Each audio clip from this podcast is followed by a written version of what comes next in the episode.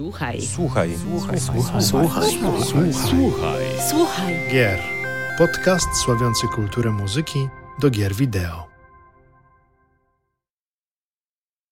Dzień dobry, dobry wieczór. Z wirtualnego studia, jak zawsze, kłania się w pas Mariusz Borkowski oraz Paweł Dębowski.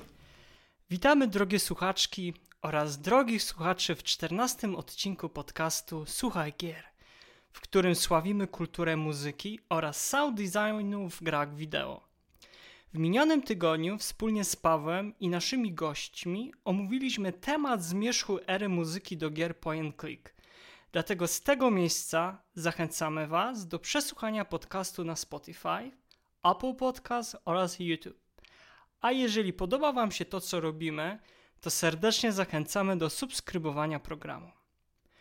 Choć japońskie JRPG dosyć późno pojawiły się na starym kontynencie, to długo nie trzeba było czekać, aż gry japońskich studiów szturmem zawładnęły wyobraźnią europejskich graczy. Dlatego dzisiaj z naszymi specjalnymi gośćmi chcielibyśmy porozmawiać o tym fenomenie, a co najważniejsze o samej muzyce. W naszym wirtualnym studiu gościmy dzisiaj Mateusza Gołębia, wieloletniego dziennikarza oraz pasjonata kultury dalekiej Azji, w tym japońskich JRPG-ów. Cześć Mateusz, witaj serdecznie. Hej, hej, strasznie miło mi u Was gościć. Dzięki za zaproszenie. Nie no i też dzięki wielkie, że znalazłeś dzisiaj chwilę e, czasu, bo sam wiem, znamy się e, już trochę czasu i nie, no nie wyobrażałem sobie innej osoby, która by dzisiaj z nami nie mogłaby porozmawiać o muzyce do japońskich e, JRPG-ów i o tej, o tej pasji w ogóle do tego gatunku, tak więc wielkie dzięki za, za przyjęcie naszego zaproszenia. Dzięki za takie ciepłe słowa. Cała przyjemność po naszej stronie. A także chciałbym dzisiaj e, przedstawić połowę zespołu, niestety, Gaijin Blues, Pawła Klimczaka Nafta, niestety tym razem bez, bez Michała. E, cześć Michał, witaj. Witaj, witaj Michał, Michała nie ma, no, więc Pawle, witaj Pawle. Cześć, cześć, cześć. Dzięki za zaproszenie. Yy, No o gierkach zawsze chętnie pogadam, a o tych japońskich to już w ogóle yy, wspominałeś wcześniej, że one późno trafiły na, na kontynent i E, e, prawda jest taka, że też do dzisiaj e, myślę, że, że no w Polsce to nie jest aż tak super popularny gatunek wciąż i, i, i fajnie pogadać z innymi świrusami, no, którzy podzielają. Zdecydowanie i o tym też za chwilę będziemy na pewno rozmawiać. Ja tylko jeszcze naszym e, słuchaczom i słuchaczkom powiem, że jeżeli chodzi o waszą muzykę, to możesz mnie jeszcze też ewentualnie tutaj poprawić, ale mówi się o niej, że ona tak naprawdę łączy brzmienie tej muzyki japońskiej od tych tradycyjnych po fusion, troszeczkę tam słyszymy rocka z nowoczes nowoczesnymi bitami muzyki zachodniej, od house, pop, tra trap, junk and footwork. Zgadza się wszystko, czy o czymś zapomniałem? Zgadza się wszystko, a, a, a po nowej płycie to chyba jeszcze będziesz musiał dodać parę rzeczy, typu na przykład Tak, anime tak, metal, no także... za, niedługo, za niedługo, bo tutaj jak zdradziłeś, nie wiem czy możemy zdradzić, że płyta będzie na pewno w tym roku. Okej, myślę, że tak, myślę, pod, że tak. e, pod koniec tak. tego e, roku, czyli tak w okolicach październik, listopad już możemy się spodziewać waszej kolejnej płyty. Fant Tak, tak. Będzie to też sequel historii z poprzedniej, także narracyjna zostaje Super, natura tej się nie muzyki. umiemy do, e, doczekać. E, Dobrze, mm, panowie, powiedzcie mi, może zacznę so- e, od Mateusza. Mateusz, powiedz mi, co ostatnio słuchałeś? Co, co wpadło ci e, w uszy? Co ostatnio słuchałem? E, rozumiem, że nie mówimy tylko tutaj o muzyce do gier, Tak. tylko ogólnie o muzyce. Tak. E, ostatnio słucham, e, ponieważ narodziła mi się dwa tygodnie temu córka. E, Zi- Gratulacje. Dziękuję. E, Ziggy Marley wydał Gratki. dwie takie płyty. E, jedna nazywa się Family Time, dru- Fa- Family Time, druga nazywa się More Family Time. E, I to są takie płyty dla dzieci stricte regowe, e, więc one lecą dosyć często ostatnio u mnie w domu, żeby już e, indoktrynować dziecię e, moim ulubionym gatunkiem muzycznym od małego. Słusznie, słusznie. A, I rozumiem, że to non-stop teraz u ciebie leci na, na nośniku albo w wersji wirtualnej, Tak, a tak. coś coś przed tym? Jeszcze chciałbyś jeszcze podzielić? Może coś Wiesz co, jeszcze po- udało ci się? Wiesz co, no poza tym, jeśli już jesteśmy w podcaście stricte o grach, e, to u mnie e, ostatnio leciał soundtrack, e, zresztą akompaniując trochę grze, a trochę także poza grą z Xenoblade Chronicles Definitive Edition. E, Jest to chyba jeden z fajniejszych soundtracków e, z ery Wii, wydaje mi się. E, Przynajmniej tak na mój gust. Fajna, taka przygodowo-epicka muzyka, która też bardzo dobrze jej się słucha poza tym środowiskiem growym. Mhm. Nie, ja się z tobą zg- zgadzam, Paweł, coś, e, Paweł, coś więcej może na ten temat powiedzieć. Zresztą, Znaczy ja, znaczy, znaczy ja mogę e, przybić piątkę, bo jestem nie dość, że w trakcie grania e, w Xenoblade'a Chronicles, to jeszcze również przes- słucham sobie jeszcze raz soundtracku i fakt faktem, to jest jeden z najbardziej udanych tytułów e, na Wii, jeden z najbardziej udanych soundtracków. po, po, poza tym pokaźna lista kompozytorów tam była, bo między innymi Yasunori Mitsuda i Yoko Shimomura, tak? Mhm. Tak. Tak, Mhm. więc Mhm. naprawdę Także same gwiazdy Sa- tam siedziały nad tym soundtrackiem, więc ja się nie dziwię. same gwiazdy, dokładnie.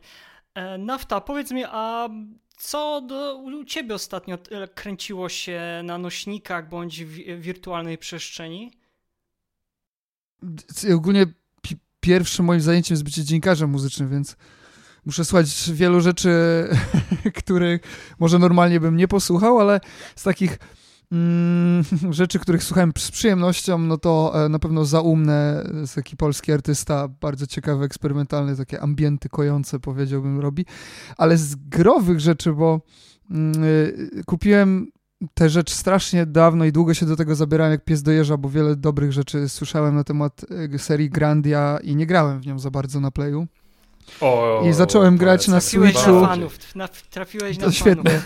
E, No jestem już jakieś 30 godzin y, do, do przodu z pierwszą częścią i muzyka tam jest po prostu niesamowita i mm, w ogóle słucham jej sobie czasem poza, po, poza grą jak najbardziej też i jakoś tak ze strony weebowej y, na Netflix wjechało y, anime Jaskę, gdzie cały soundtrack zrobił Flying Lotus i to jest w ogóle niesamowity soundtrack, który łączy w ogóle tradycyjną muzykę japońską z jakimiś takimi właśnie Flying Lotusowymi, bitowymi, nowo-jazzowymi rzeczami.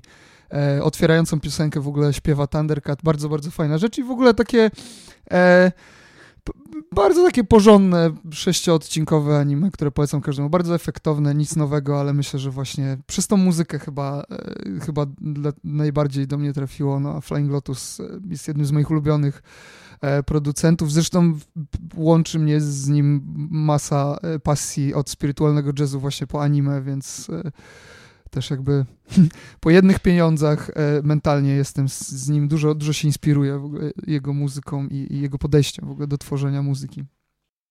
Nie, ale ni, powiem ci, że oni chyba jest z, z Ninja e, Records, tak? Chyba bodajże? E, w, e, w Warpie chyba wydawał te A, pierwsze Warpie rzeczy. Jest, mm. okej. No, ten ostatni album to chyba kilka nagród już Grammy zdobył, tak? Więc pamiętam. Świe, kawał świetne, świetnego materiału. Oj, to coś, coś mówi, że działa długo dzisiaj ten podcast będzie trwał. A Pawle, Pawle, a co ty miałeś ostatnio okazję po, posłuchać? Wiesz co, powiem na początek, że jestem trochę przerażony, bo chyba pierwszy raz w życiu spotkałem kogoś, kto powiedział, że gra w Grandy. To jest tytuł, wydaje mi się tak bardzo niszowy i myślałem, że chyba jestem jedyną osobą w Polsce, która w ten tytuł grała, ale no na szczęście się pomyliłem. Fantastyczny, e, fantastyczna seria i bardzo dobrze, że wyszła, e, wysz, wyszły Tak. dwie części na, na Ktoś Switcha. To nawet. jest po prostu błogosławieństwo. Mhm, Jeszcze raz, co mówiłeś, To błogosławieństwo. Że ktoś tu E. kupił pudełko nawet, tak nie chwaląc się. No O! właśnie chciałem powiedzieć, że Mateusz jest fanem. Przecież Uff, też. a to chyba nie było Znaczy, łatwe, co? Tak, w O, Grandię jeszcze nie grałem, Grandię kupiłem i czeka na swoją kolej, bo to jest jedna z tych rzeczy takich Mm. legendarnych, które muszę jeszcze Tak. nadrobić. I wszyscy Cieszę się, powtarzają wyrwałem zawsze, połowową ta Grandia taka kolekcji. super, ta Grandia taka super, e, zacząłem grać i, Tak, i ja tak, to- Grandia super. Ja to samo, ja to samo usłyszałem. Grandia świetna, fantastyczna. Pierwszy raz z Grandią miałem do czynienia chyba na PlayStation jakieś milion lat temu i tej gry nie przeszedłem, więc jak, wyszło, jak wyszła Grandia na Switcha jednocześnie i pierwsza i druga część, no to panie, biorę ze sobą i gram na Switchu gdziekolwiek się da. A jeśli chodzi o muzykę, no to już tu zostało wspomniane, że odsłuchuję sobie od nowa Xenoblade. Mariusz, chyba w poprzednim mm, odcinku podcastu wspomniałem, że e, przesłuchuję kilka soundtracków na Bandcampie, bo dorwałem kilka okazji. W tym dalej słucham Murder, Murder by Numbers, ale też cały czas przeczesuję ten Bandcamp, bo to jest fantastycznie świetne miejsce, jeśli chodzi o mm, muzykę taką naprawdę prawdziwie niezależną i e, pokłady tej e, twórczości m, ludzi, którzy tworzą e, muzykę jest po prostu przeogromna. Mm, w szczególności e, zatrzymałem się przy dziale jazz i przy chiptune. Szczególnie e, przy chiptune, mm, bo jak kiedyś wspominałem w jednym chyba z poprzednich podcastów, jestem w trakcie tworzenia swojej własnej gry, która znajdowałaby się między Earthbound a Undertale, więc e, słuchanie dużo chiptuna mi po prostu pomoże. Przykładów ci nie powiem, bo jest tego bardzo dużo, ale jak e, trafię na coś takiego, co wpadnie mi naprawdę, naprawdę wpadnie mi w ucho, nie zamierzam e, się cofać i na pewno się tym kiedyś podzielę. Koniecznie. Dobrze, no u mnie też znowu jest tak jak ostatnio, to trochę muzyki growej, trochę muzyki e, niezwiązanej z grami. To jest premiera, bo album, premiera tego albumu była bodajże 7 maja, a sama gra miała premierę w bodajże chyba pod koniec kwietnia i to jest dokładnie Returnal z muzyką Bobiego Chrisa. A muzyka do gry Returnal to niczym nie przypomina inne produkcje muzyczne z pogranicza space opery. I mamy raczej tutaj do czynienia z takimi mocnymi hybrydowymi dźwiękami muzyki elektronicznej, no, która przeplata się niekiedy z delikatnymi odgłosami ambientu. No i muzyka na każdym kroku towarzyszy astronautce, która w kółko przeżywa swoją śmierć. No i też z tego względu soundtrack polecam szczególnie pasjonatom muzyki przestrzennej, która no, swoimi dźwiękami buduje muzyczne pejzaże. Tak więc tutaj serdecznie zachęcam do przesłuchania te, tego soundtracku, który, no powiem szczerze, że mnie zaskoczył. Natomiast jeżeli chodzi już o niegrową muzykę, no to to jest mój klasyk, bo ja strasznie się cieszę, że została wznowiona płyta winylowa. No i bez zastanowienia musiałem zainwestować od razu, czyli e, Only Lovers Left Alive, czyli tylko kochankowie przeżyją, e, Józefa Van Wisema i Skrull. No i co? No 2013 rok, charyzmatyczny reżyser Jir Jarmus pokazuje w kinach swoją wizję wampirów, zmęczonych naszą cywilizacją, no dla których picie krwi jest czymś ekstrawaganckim, a nagrywanie muzyki oraz czytanie książek staje się powietrzem do życia. No i muzyka do filmu tutaj jakby została okraszona duetem, w skład którego wchodził Józef van Wiesen, czyli holenderski lutnista, znany ze swojego minimalizmu, zaś po drugiej stronie stanął zespół The Screw z wiodącą gitarą samego reżysera Jima Jarmusza. No i sama muzyka jest taka eteryczna i w, e, z każdym dźwiękiem hipnotyzuje słuchacza niczym wampir swoją ofiarę. No i cudowne partie gitarowe, które oczarują nawet najbardziej wybradnego sympatyka muzyki rockowej i pogrzebowej i serdecznie, serdecznie zachęcam jakby do przesłuchania tutaj obu albumów oraz e, soundtracków bądź płyt tutaj polecanych przez naszych e, gości. Dobrze panowie, mm, to słuchajcie, jak zaczęła się wasza przygoda z japońskimi RPGami i pozwolę sobie tutaj zacząć od e, nafty. Jak to u ciebie było? Pamiętasz może? Pamiętam bardzo dobrze, bo to była w ogóle ciekawa sprawa, bo mm, gdzieś tam pamiętam w 97 chyba mój ojciec przyniósł peceta do domu. I pierwszą, od pirata oczywiście gierki, wiadomo, i y, wśród tych gierek przyniósł mi takie gierki jak Fallout na przykład, gdzie coś tam po angielsku umiałem, ale to była taka lekcja angielskiego dla mnie. I od tamtej pory lubiłem RPG bardzo, ale tylko zachodnie. I gdzieś to było chyba, wydaje mi się, że na początku liceum, nagle któryś z kolegów, e, nie pamiętam nawet skąd to przyszło, e, na emulatorach zaczęliśmy grać w Chrono Triggera. E, wydaje mi się, że to przez Finala 7, że zagraliśmy Finala 7 i zrobiliśmy wow, jakby co to, więcej, nie? Co, co to są za gry? Te japońskie RPG zupełnie inna rzecz, na zupełnie innych zasadach, rozmach w ogóle tych gier nieporównywalny z moją wielką miłością, nie wiem, do, do, do Falloutów czy, czy Baldur's Gate, e, no to jest to inny rodzaj wrażliwości, e, bardziej powiedzmy rozbuchany i, i strasznie mnie, mnie się to spodobało. Tym bardziej, że mm, ogólnie ja lubiłem od zawsze, od dziecka przesadę i, i, do dzisiaj lubię przesadę. E, nie wiem, do dzisiaj moim i Michała zresztą drugiego z Gaijin Blues e, członka ulubionym naszym zespołem jest Iron Maiden, więc jakby lata się zmieniają, my gramy bardzo różną muzykę, ale gdzieś tych ci Maideni to jest coś, co zawsze, o czym zawsze możemy sobie pogadać.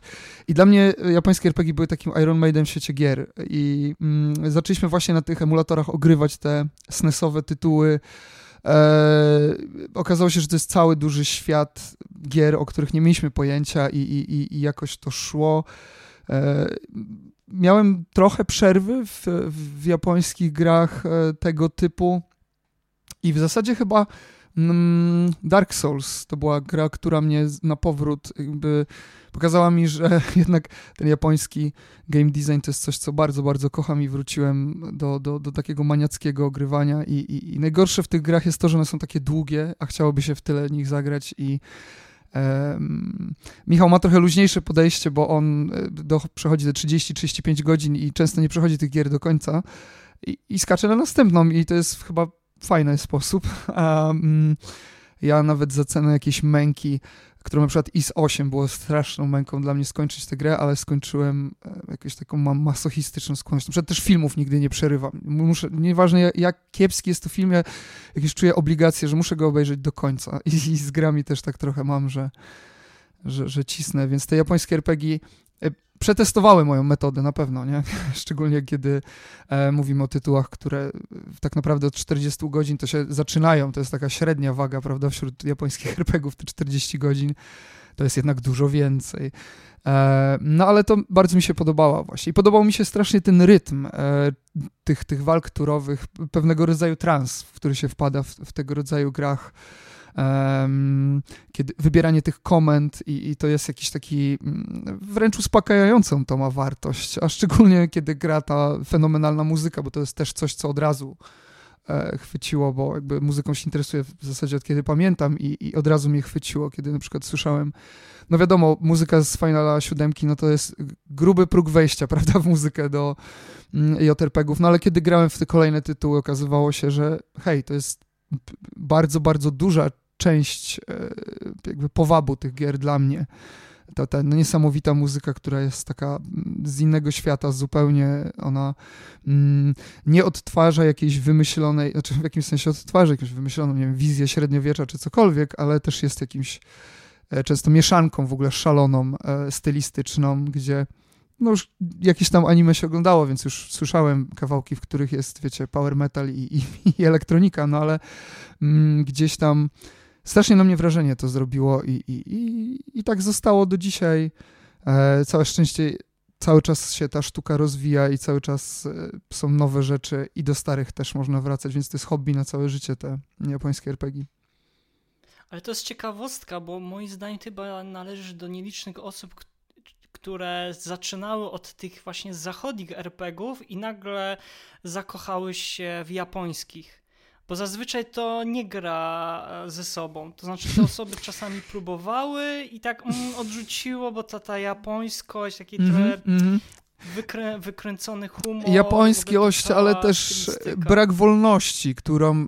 Wiadomo, to jest wszystko iluzja. E, zarówno ta wolność zachodnich RPGów, jak i brak wolności w japońskich RPGach. To są po prostu w innych, trochę inaczej działa w ogóle pojęcie wolności w tych grach i jakiejś tam customowości i tak dalej. To trochę, trochę, trochę inaczej to wyglądało. Wciąż jednak uważam za najlepszy system turowy jakieś punkty akcji, przesuwanie, coś bliższe, nie wiem, Final Fantasy Tactics niż powiedzmy Final Fantasy takie klasyczne ale, e, ale jednak potrafię docenić świetny, świetny taki turowy, e, czy to będzie Persona, która przecież strasznie, czy Shin Megami Tensei, które bardzo fajnie ewoluowało, ten taki klasyczny RPGowy japoński model, czy coś trochę bardziej e, szalonego. Ja jestem do dzisiaj pod wrażeniem systemu walki w remake'u Finala 7, który jest jednocześnie turowy i w czasie rzeczywistym, coś, co brzmi jak kompletny paradoks, ale w jakiś fenomenalny sposób to działa i, i myślę, że w tych grach, jeżeli się kocha te gry, bo jeżeli się e, odrzuca, e, odrzuca z wielu różnych powodów, one mogą być odrzucające dla kogoś, e, to jasne, ja to w pełni rozumiem. Natomiast jak ktoś już kocha te gry, to naprawdę je kocha w taki sposób, gdzie wchodzi w głęboko w to, zaczyna się zastanawiać, zaczyna dostrzegać te bardzo, bardzo zniuansowane, wspaniałe rzeczy, które się dzieją pomiędzy tymi systemami, te różnice, które, rzeczywiście składają się na takie bardzo atrakcyjne, e, przepraszam za określenie, gameplay loopy.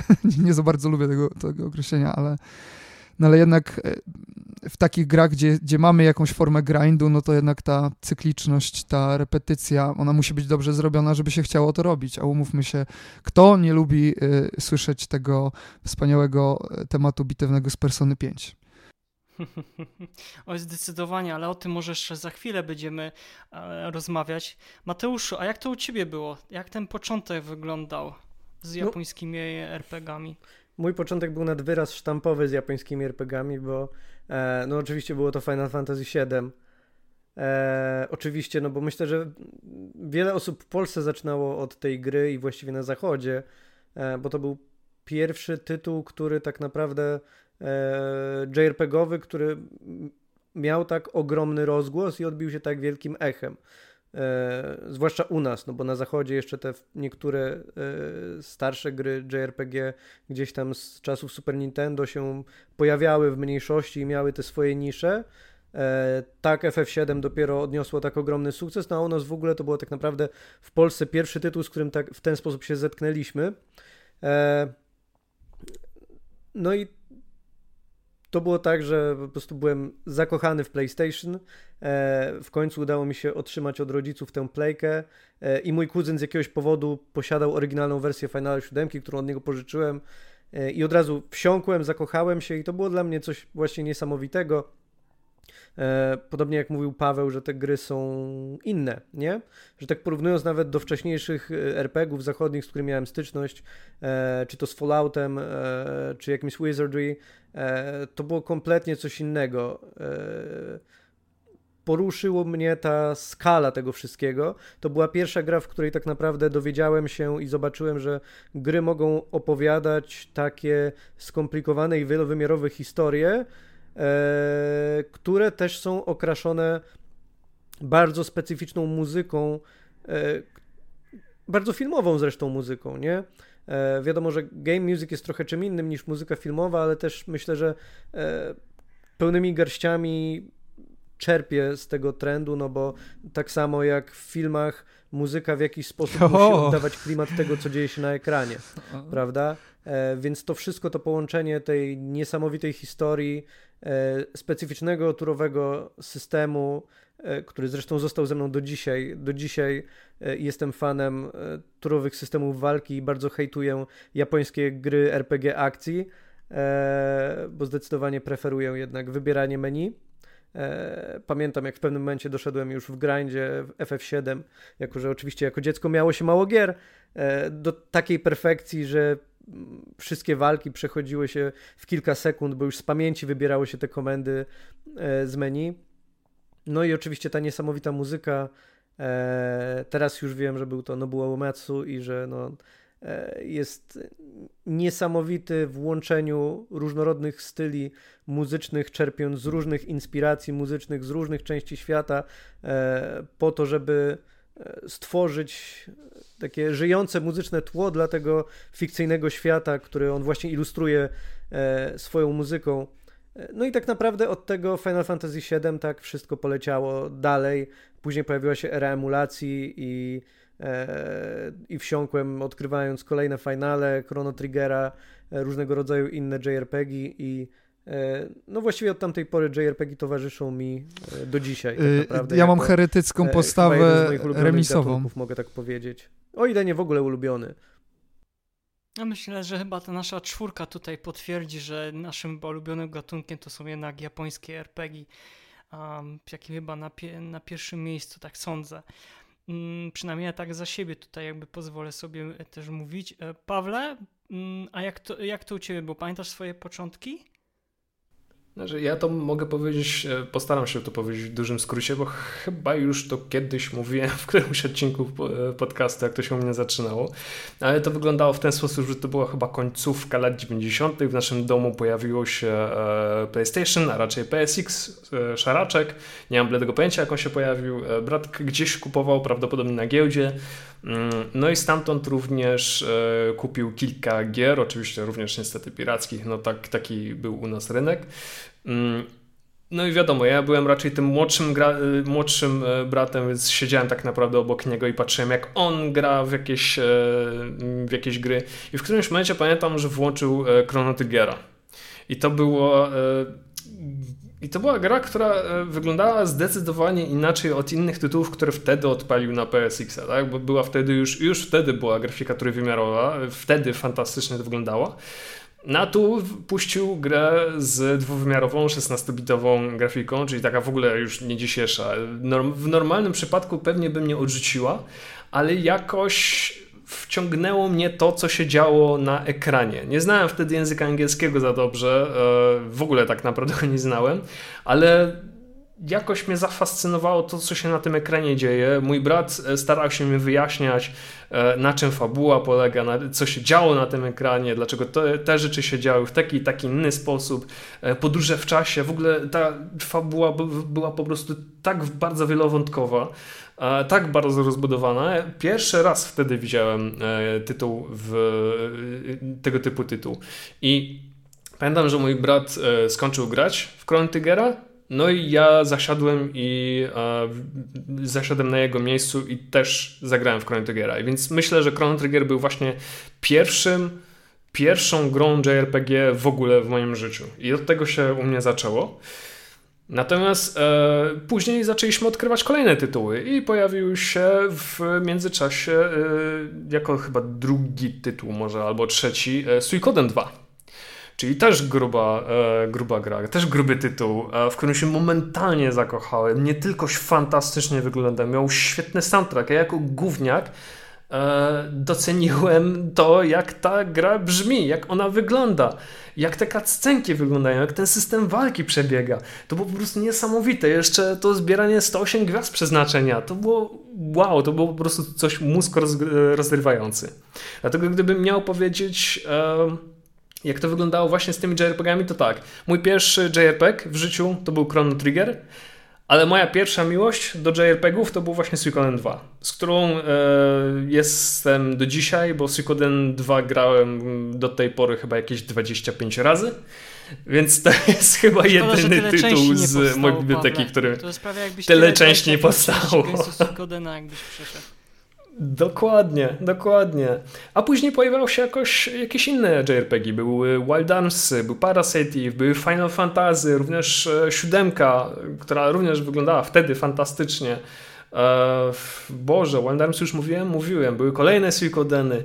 E, Boże, było przechodziło się naprawdę wiele, wiele tych tytułów. Grandia, o właśnie, Grandia mi przypomniałeś.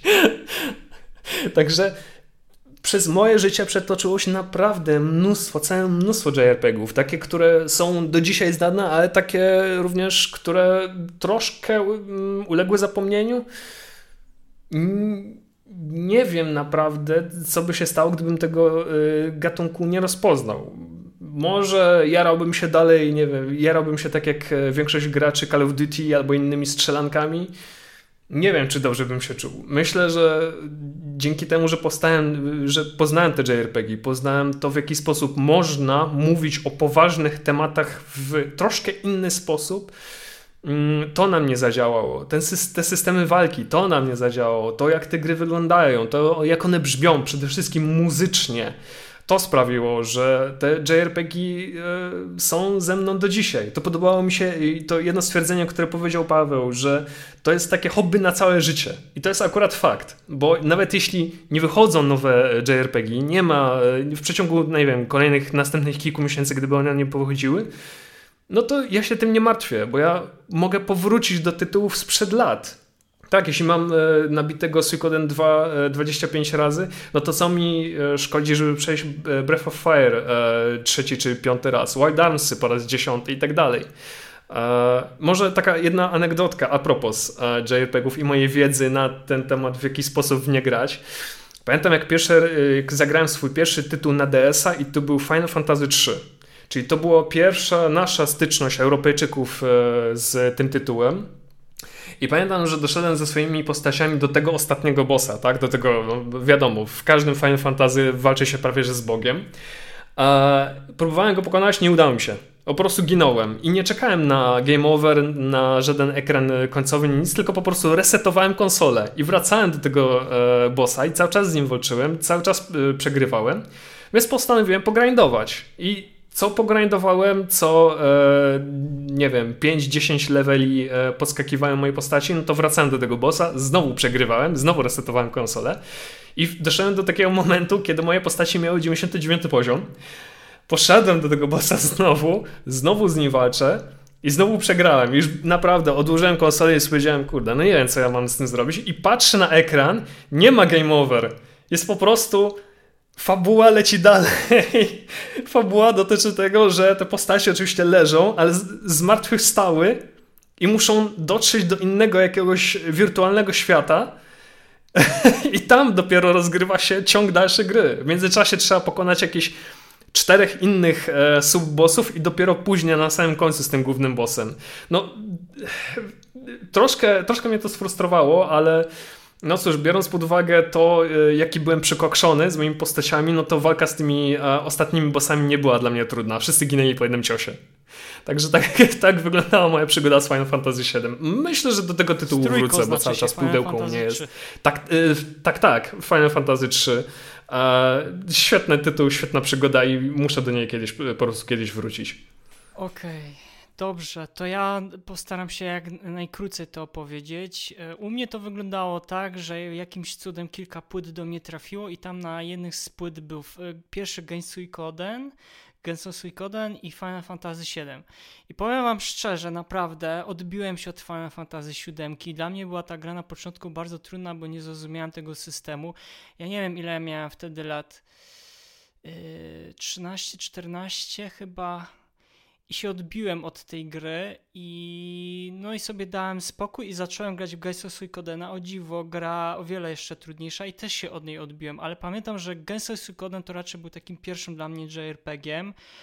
Później na szczęście do niego wróciłem, bo też jak tutaj słusznie Paweł zauważył, to jest bardzo dobrze skonstruowana mm, pod kątem fabularnym, też e, wizerunków postaci i muzyki bardzo dobra seria. Szkoda, że skończyła tak, jak skończyła, ale miejmy nadzieję, że teraz ten cały Kickstarterowy projekt e, no, mm, wiemy, że już został tam ufundowany przez twórców, którzy pracowali nad e, Suikodenami.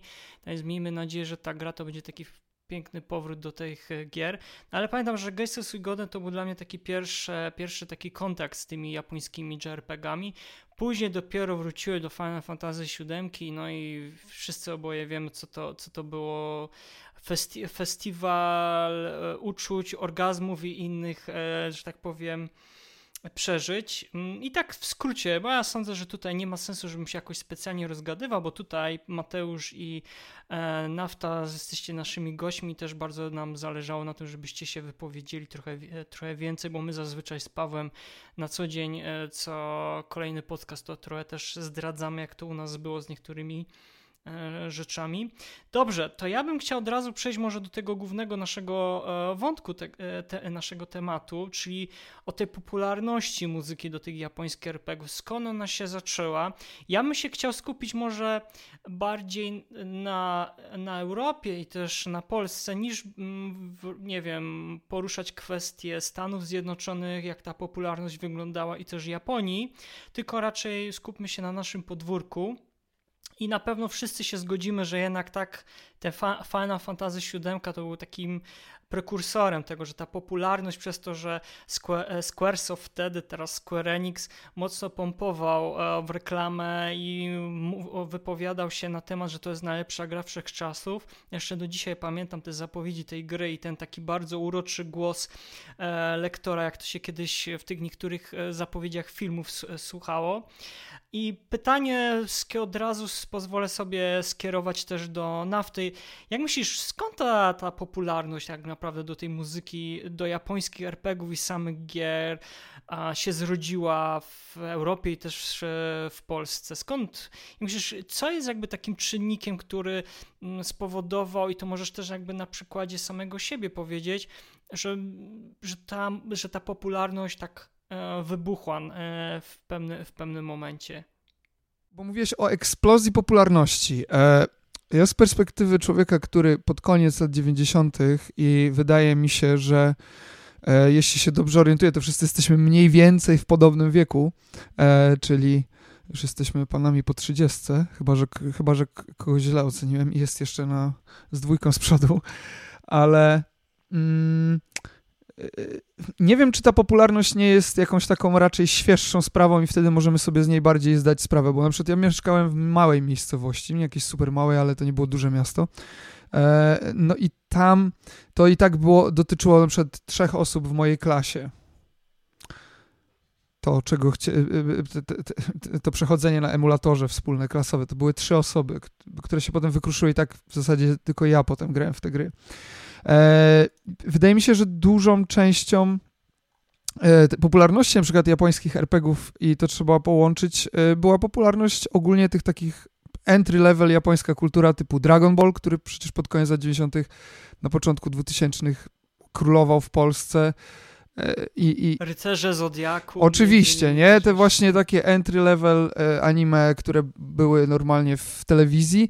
Pokémony, przecież Pokémania. E, nie możemy mówić o japońskich RPGach bez mówienia o Pokémonach, które przecież są totalnie japońskim RPGiem i mm, dla wielu osób, które nawet sobie totalnie nie zdają z tego sprawy, to był pierwszy RPG i dla wielu pewnie ostatni, nie?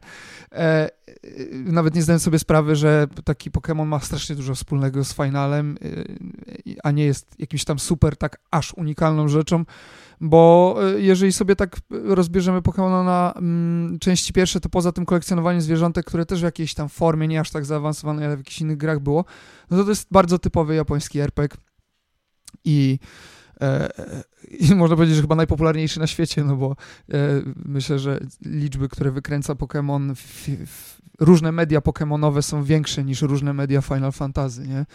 E, natomiast myślę, że teraz ta popularność jest jeszcze większa, bo część z nas po prostu wraca do jakichś wspomnień, a część z nas po prostu ma bardzo, w ostatnich latach miała pogłębione możliwości eksploracji tego wszystkiego. Ten internet się otworzył na wiele różnych rzeczy na fora wymiany myśli.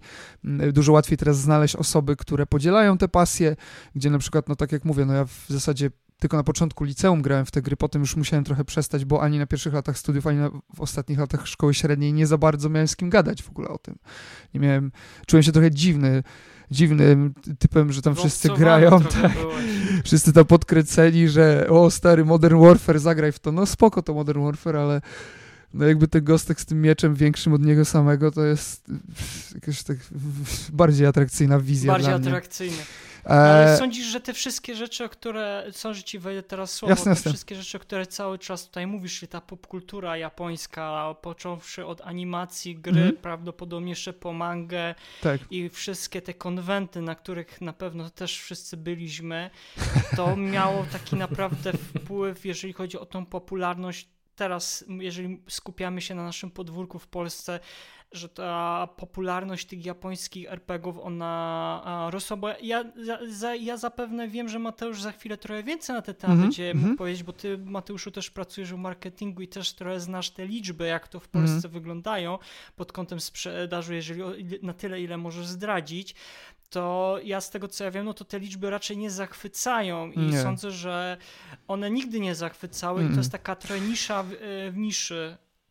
Y, tak, zanim, y, bo tak, ja sam chętnie usłyszę, e, jeśli Mateusz ma jakieś takie twarde dane, ale mnie się wydaje, że to jest nisza w niszy, że mm, na przykład fandom e, mangi, fandom anime, kurczę, nawet fandom Soulsborne są naprawdę dużo większe niż fandom japońskich RPGów, bo e, tak naprawdę nie mamy sytuacji takiej jak w Stanach Zjednoczonych, gdzie jakby ta, że tak powiem, rewolucja kulturowa japońska była dużo bardziej intensywna i ona do dzisiaj trwa i dopiero od niedawna bycie weebem nie jest jakimś powodem, żeby cię reszta wioski ukamieniowała, nie? To jest świeża sprawa, że można chodzić i mówić, wow, teraz manga i anime są nawet powiedzmy modne na, na Netflixie mamy tego pełno i tak dalej, i tak dalej. No ale kiedyś to była taka dosyć wsobna rzecz, a nawet w tych, y, patrząc na moje koleżanki, to szczególnie koleżanki się takimi rzeczami interesowały, jak manga anime dorastałem, czy kolegów, którzy się tym interesowali, oni nie byli zbyt zainteresowani grami. Final to było coś takiego spoko, ale też na takiej zasadzie, że ktoś miał plakat Clouda,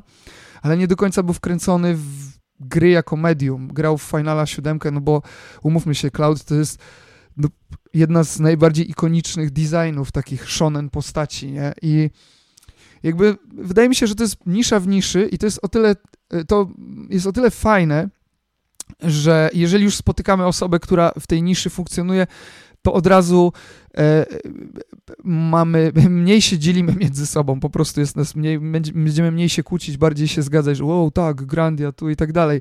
E, nie będziemy, wiecie, to, to jest bardzo zunifikowany fandom, też właśnie przez to doświadczenie, które jest takie bardzo unikalne, bardzo niszowe i, i, i nie ma zbyt wielu osób, które chcą, chcą w, te, e, w te serie grać. Mówiłem o East, Tales of, to są takie serie, które dla nawet ludzi, którzy mniej więcej orientują się, co się dzieje na rynku gier, to jest jakaś czarna magia, oni kompletnie nie kumają, co to jest. I e, mm, w Polsce nie mamy, no wielku, w, w, ilu znacie fanów serii East, tak, no ja nie znam ani jednego poza mało. sobą. Mówiąc szczerze, no. że nikt, z nikim, nie, jak, jak mówię, o w co grasz? W IS 8. O, co? co? Co to jest? Nie? O, albo Atelier, nie? Które też jeszcze chyba jest mniej, nie? Ta, e, Michał z mojego zespołu to jest e, fan Atelier, taki umiarkowany, więc jeden. Jedna osoba, którą znam.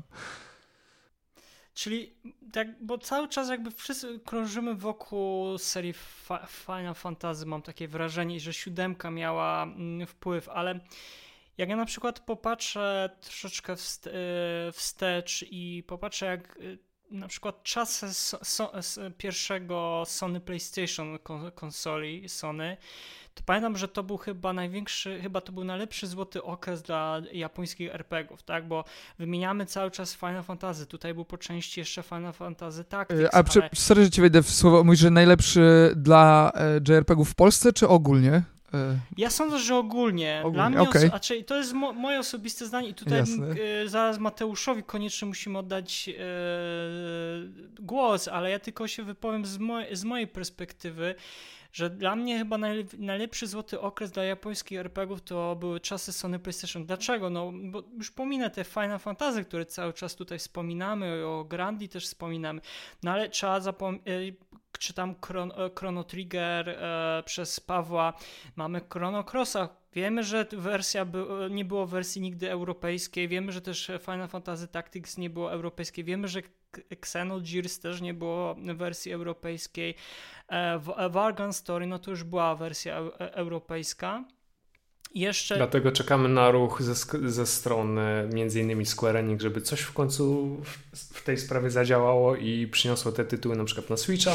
Ja bym się nie obraził. Może na zasadzie tych takich tanich portów, sagi, tak, tych tanich idzie. portów finali, ale y, Właśnie ja też tak, bo wiecie, mówiąc, żyjemy w takiej czasie nostalgii, jesteśmy milenialsami i milenialsi teraz są taką główną siłą nabywczą popkultury i dla nas, a szczególnie dla Amerykanów, e, to byłoby fajna nostalgia, tak, żeby te rzeczy z mhm. PlayStation przynieść. A sądząc po tym, ile wkłada serca Square Enix w te porty na Switcha, czyli umówmy się, niewiele, tyle, żeby to działało jakoś i ewentualnie, ewentualnie było przyspieszanie czasu, w, w przyspieszanie czasu gry no to nie ma. Nie wiem, je, bardzo trzymam kciuki, bo na przykład z, z, chęcią bym zagrał, choćby w Suikodeny, w które nigdy nie grałem, a wiele dobrego o tym słyszałem. Yy, fajnie to mieć, byłoby mieć na Switchu. Wydaje mi się, że też Switch to jest w ogóle duża teraz, yy, duży czynnik w popularności JRPG-ów, też w Polsce. Mm, sporo moich znajomych sięgnęło po jakieś tam yy, e, JRPG, nawet mniej znane, bo gdzieś tam na promce, na e-shopie zobaczyli i tak kompulsywnie kupują gry, więc kupili, nie? I zadowoleni. Mateusz, powiedz mi, bo tutaj my jesteśmy ciekawi właśnie two, e, two, twojego stanowiska, jeżeli chodzi o tą popularność i też jeżeli chodzi o to, co powiedziałem przed chwilą, jeżeli chodzi o te złote, złote czasy japońskich RPGów. E, to znaczy tak. E, zacznę od tego, że trochę psując tutaj marzenia o popularności, że wydaje mi się, jeśli chodzi o polskie poletko, no to oczywiście e, mam pewne informacje, nie mogę mówić nazw, nie mogę mówić firm, no bo to wiadomo. Natomiast są to liczby e, groteskowo małe, jeśli chodzi o sprzedaż oficjalną JRPG-ów w Polsce. E, to jest naprawdę czasami dochodzi do tego, że jakaś bardzo znana seria sprzedaje się w liczbie trzycyfrowej. Taka, która na świecie, prawda, sprzedaje miliony egzemplarzy na przykład, nie? E, więc to, że gry te gry wydają nam się popularne, myślę, że oczywiście mówię o Polsce, no bo na zachodzie ta popularność JRPG-ów jest większa, mamy ogromne koncerty, nawet z muzyki z JRPG-ów i tak dalej, i tak dalej. E, natomiast w Polsce jest to nadal taka nisza niszy dosyć skrajna. E, stąd też, tak jak Paweł mówił, prawda, jak się raczej zbieramy, to raczej jest jaranko grami niż tutaj hejtowanie, chociaż ja biłbym każdego, kto mi powie, że remake Final Fantasy VII jest dobrą grą. O, za... ja pamiętam naszą ja dyskusję. Tak samo, tak samo Mateusz, masz moje tutaj pełne poparcie, ja nie jestem fanem w ogóle tego, tego remake'u. No ale to kiedyś może. Eee, muzyka jest dobra w no, o. Ale Uomatsu muzyka. Tylko Uomatsu, te tak, aranżacje, tak. bo skomponowana muzyka przez Hamauzu i pozostałych to pozostawia wiele do Nie życzenia. istnieje. Równie dobrze mogłoby no. jej nie być, przykro mi. eee, a wracając do tej złotej ery, no to tak, zdecydowanie. Tylko to też jest kwestia bardziej, e, myślę, zachodu, bo na przykład, przynajmniej tak z mojego doświadczenia, e, ja miałem oryginalne PlayStation, mój kuzyn miał pirackie PlayStation e, i pomimo, on, pożyczałem od niego to oryginalne Final Fantasy VII, które jakimś cudem się u niego pojawiło, ale pamiętam, że miał też masę pirackich gier i tam wśród nich przewijały się takie rzeczy typu właśnie Valkyrie Profile, e, Legend of Mana, tak. które gdzieś tam pogrywałem u niego, e, natomiast to jakoś nie przebijało się do mnie nawet w tamtym czasie, e, że gdzieś tam byłem zapatrzony w tego finala, wydaje mi się, że tutaj dobrze zadziałał marketing w Polsce, jeśli chodzi o Final Fantasy VII, e, który bardzo dobrze sprzedał tę grę. E, nie wiem, kto wtedy ją wydawał. Senega bodajże e, Na Polskę oficjalnie. To też chyba wyszło na PC, ta, prawda? Czy, to, wtedy, czy, tak? czy, się mylę? Czy to wyszło tak, też na PC? Tak, tak, wyszła też I myślę, że to też jest duży czynnik. Bo, bo nie? Projekt. No. I to też jest duży tak, czynnik. Tak.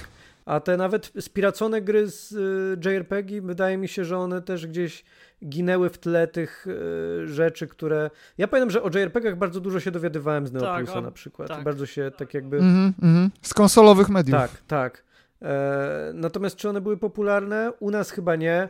E, ale rzeczywiście była to tak naprawdę złota era JRPG-ów, bo wtedy wychodziło...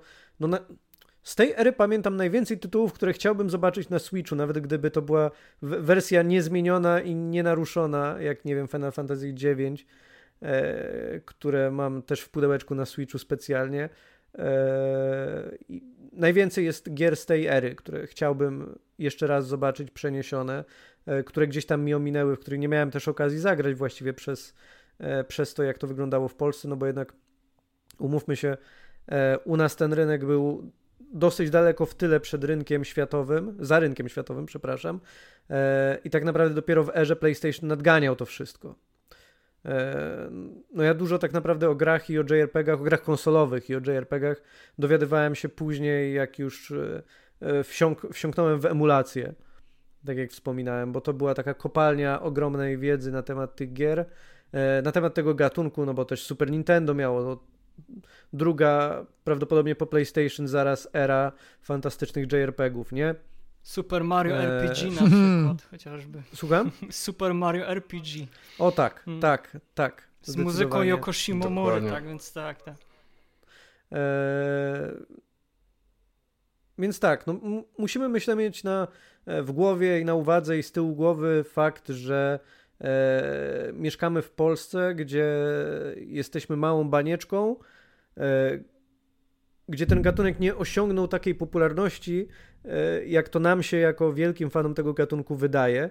e, bo jednak jesteśmy też, mamy erę globalizacji, więc korzystamy z mediów zachodnich e, i cały czas e, spływają do nas te informacje z zachodu, to może się wydawać, że to jest troszkę większe niż jest, ale realnie niestety nie.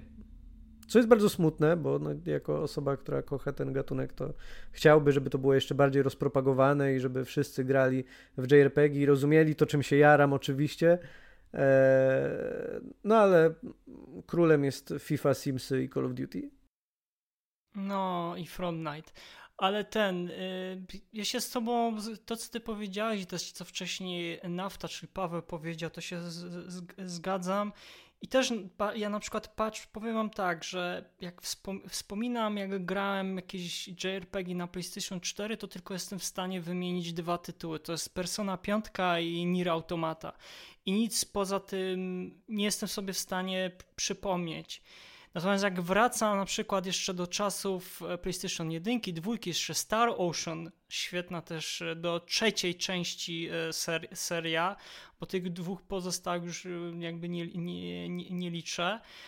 I pamiętam, że później PlayStation 3 no troszeczkę miał kłopot z japońskimi RPGami. Czwórka no już coś starała się faktycznie, że jakby wrócili do tego to znaczy, wiesz co, na trójce, y, bo w ogóle trójka to jest y, taka problematyczna w ogóle generacja, bym tak, powiedział, no ale bardzo. E, jest kilka takich naprawdę bardzo interesujących, y, bardzo jeszcze chyba potężnie niszowych tytułów, e, jak na przykład Folklore. Nie wiem, czy o. Mhm. graliście tak, w tę tak. grę albo, albo kojarzycie.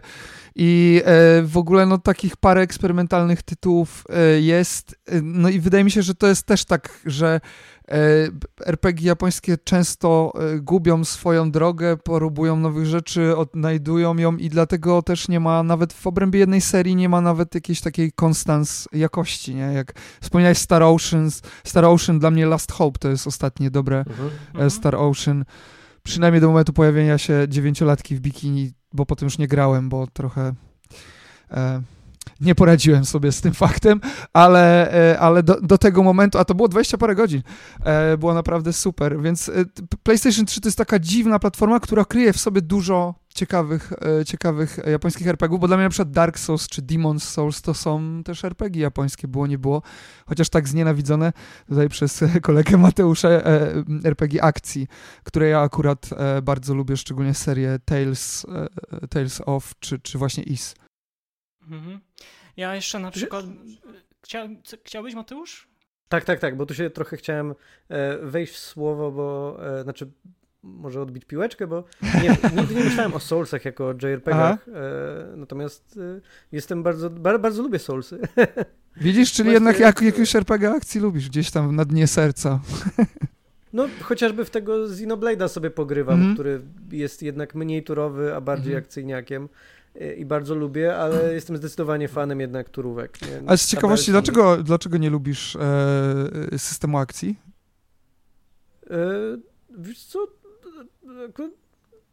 Nie wiem, czy jest na to jakieś wytłumaczenie poza takim stricte E, związanym z gustem. Oczywiście, jasne. Pre, pre, preferuję wybierać sobie na spokojnie akcje z menu. Ja mogę za. Mateusza jasne. odpowiedzieć, bo mam ten sam problem, że zdecydowanie bardziej lubię cenię i uwielbiam e, turówki od akcji. No, z racji tego, że gram już od, Boże, prawie że 30 lat, cały czas mam do czynienia z grami akcji, gdzie cały czas na ekranie coś się dzieje, cały czas muszę na coś reagować, a takie turówki, no to mimo wszystko mam chwilę czasu na to, żeby posiedzieć, pomyśleć, wybrać odpowiedni e, wybór. Także taki, taka chwila. Fair enough. Dokładnie. Fair enough. Taka bardzo dobry, bardzo dobry. Nie, ja też lubię te, ten relaks, ale e, czasami no to jest sport ekstremalny, na, najbardziej, który mnie stać, to jednak gry akcji. Na, na bungee nie skaczę, ale wiecie, so, Soulsy to jest mój BMX. Ale to też, wiesz, turówkę też można zrobić kiepsko, nie wiem, no na przykład... A, oczywiście. Odpadłem od Octopasa bardzo mocno. Oj tak, ja też. Ja też. Byłem bardzo, bardzo ciekawy przez pierwsze parę godzin i mhm. później okazało się, że nic się w tej grze nie dzieje mhm. zupełnie. Poza nie? grindem. Ani pod względem Ktoś story, może lubić ani pod względem rozgrywki. No, znaczy jest, jest e, po prostu grindfest. Tak, tak. Świetny, tak, bo świetny, jest... ale wciąż. Czyli ja jestem jedyną osobą, która skończyła tą grę. E, kiedyś bym chciał zobaczyć takiego remake'a z Final Fantasy VI w takiej szacie A, graficznej. uch, tak, ale tak, słuchajcie, bo ja bym chciał jeszcze Pawłowi oddać e, e, głos, ale ja bym jeszcze chciał powiedzieć, bo cały czas sądzę, że pomijamy takie też ważne tytuły, w moim przynajmniej mniemaniu, seria Dragon Quest, która Uuu, tak wcześniej jest. się pojawiła niż Final Fantasy i ona jakby była takim, em, zainspirowała też Hironobu Sakaguchi, przypuszczam, i cały zespół do stworzenia później Oczywiście. Final, Fantasy. No i przegenialna muzyka Koichi Sugiyamy, przynajmniej w moim, moim takim mniemaniu do ósmej odsłony, a już tych później poz- pozostałych odsłon, jeżeli chodzi o muzykę, to niestety nie jestem w stanie już strawić, bo on się już tam za bardzo Powtarza i bardzo. powiela. Mhm. A wśród, a Jest wciąż fajne, co- ale tak. W siódemce, co on zrobił, to moim zdaniem to jest jego na, najlepsze, najlepsze dzieło. Te wszystkie tematy, zresztą w czwórce i piątce Dragon Questa to, jest- nie, to jest mistrzostwo, jeżeli Mhm, chodzi mhm. o, o, o, muzykę. No i też jeszcze pamiętajmy o e, Xbox 360, gdzie Sakaguchi zrobił e, Blue Dragon, zrobił The Lost Odyssey i tam muzyka Uematsu tak naprawdę na nowo też odżywa, odżywa i jest e, wraca trochę do klasyków, bo Blue Dragon trochę momentami muzycznie przypomina momentami e, Chrono Trigger, mimo tego, że Uematsu z, ledwo chyba jeden czy dwa utwory, jeżeli dobrze pamiętam, skomponował do Chrono Triggera, bo reszta to był jego, e, resztę napisał muzykę jego uczeń wówczas, czyli Yasunori Mitsuda. Zresztą to był taki e, wymóg, że on odchodzi ze Squaresoft albo dają mu w całości, że napisze muzykę, tak? I to był taki pierwszy jego poważny projekt wtedy dla Squaresoft. Ty, a ty tak wspomniałeś o Xboxie 360, to pamiętajcie, że PS3 rzeczywiście miała dużo e, eksperymentalnych JRPG-ów. Xbox zawsze jakoś tak był bardzo z tyłu, bo był bardzo nastawiony na zachodnich graczy, ale tam też pojawiło się kilka może dobrych JRPG-ów. Ja tu Tak, mam na myśli tak. na przykład Eternal Sonatę z muzyką Tak. e, Sakuraby, która była fantastyczna, świetna. Dopiero po, i po jakimś czasie pojawiła się dopiero na PlayStation 3 i to było dla mnie zaskoczenie, że najpierw pojawiło się na e, konsoli na Microsofta, a dopiero później na japońskiej konsoli. Wiesz, jeżeli sprzedajesz e, w dzień premiery, nie wiem, trzycyfrowa chyba była liczba Xboxów 360 sprzedanych w Japonii, to e, próbujesz zachęcić ten rynek czymkolwiek, czyli na Czymkolwiek, przykład dokładnie. RPG-ami. I niestety one, trochę, część z nich, jak na przykład Lost Odyssey wspominałeś, gra, o której tyle słyszałem, tyle jej oglądałem gdzieś tam, wiadomo, na YouTube czy gdzieś i mm, strasznie chciałbym nią zagrać, ale ona jest wciąż uwięziona na tym Xboxie, a... E, Nie no, na e, Game Passie e, możesz zagrać. E, Z tego co chyba pamię e, Ja pamiętam. strasznie nie lubię grać na komputerze, bo po prostu cały dzień siedzę przy komputerze, Już więc masz e, jak już ja. coś, to chcę się wtopić w, ka- w kanapę i tam, i tam to robić. Ale, ale rzeczywiście, no gdzieś może jak mnie przyciśnie, no to to zrobię, ale pewnie nie mówię tylko za siebie, mam wręcz zawstydzający backlog, więc Okej. Ja Pa- tylko kupuję gry. no właśnie, no właśnie, dobra, właśnie. To jest inwestycja, to jest inwestycja. Kolekcja kup, kubka wstydu rośnie. Paweł, Ja lubię powiedz- mówić na to wspieranie twórców, wiecie. Nie, no trzeba, koniecznie. Paweł, a jak ty sądzisz, jak to, jeżeli chodzi o samą popularność muzyki do japońskich RPGów i i sama popularność gier, e, jak myślisz, z czego ona mm, wynika i też jakby pojawienie się w, Pol w Polsce, z czego ona też to wyni wynika wynikało? Po części tutaj już z chłopakami powiedzieliśmy, ale jakby z twojego punktu widzenia? Powiem to w ten sposób. Musimy przede wszystkim pamiętać o tym, że JRPG są jedynie mm, jedną z niewielu gałązek, które wychodzą z potężnej gałęzi gatunku, które się nazywają RPG. I z, tej dużej gałęzi wychodzą CRPG, akcje RPG, JRPG itd., itd. I jeśli miałbym spojrzeć na swoje środowisko, na swoje otoczenie, no to w moim otoczeniu górowały takie gry jak Gothic, Morrowind, Oblivion, później Wiedźmin itd., Mm, itd., czyli tak. typowo zachodnie e, produkcje. Jak chciałem znaleźć kogokolwiek, kto w ogóle, nie wiem, może nie tyle grał, ale chociaż kojarzy taki tytuł jak Final Fantasy, no to musiałem poczekać lata, lata później, jak zacząłem pisać na stronę NeoG-Site. E, Albo kolegowałem się z mm, redakcjami Inner World czy Squarezone. E, Mam nadzieję, że te strony jeszcze istnieją. E, I to samo jeśli chodzi o konwenty. Jeśli chciałem z kimś pogadać e, a propos JRPG-ów jakichkolwiek, no to jeździło się na konwenty fanów mangi, anime i w sumie u mnie to mm, tak to wyglądało. Myślę, że to jest dobre to, co powiedział e, również Mateusz w kontekście Final Fantasy VII. Ta gra sobie u nas poradziła ze względu na naprawdę dobry marketing. To jest jedna rzecz, a druga rzecz jest taka, że ta gra wyszła również na pecety. A pecety mimo wszystko u nas dalej rządzą e, w porównaniu z konsolami. E, I to przede wszystkim e, na tym zaważyło, że czy te JRPG były wtedy jakoś mocno popularne u nas? Powiedziałbym, że nie. Powiedziałbym, że jesteśmy jednym z, czy tym pierwszym pokoleniem, które doceniło ten gatunek i wraca myślami do tych e, gier sprzed lat, e, również z, z, pewną dozą nostalgii i po prostu, wiecie, e, ekscytujemy się tym, że Grandia pojawi się e, na Switcha. E, I za nami pojawia się drugie pokolenie, e, które patrzy na JRPG troszkę pod innym kątem, bo gry są tworzone również pod innym kątem.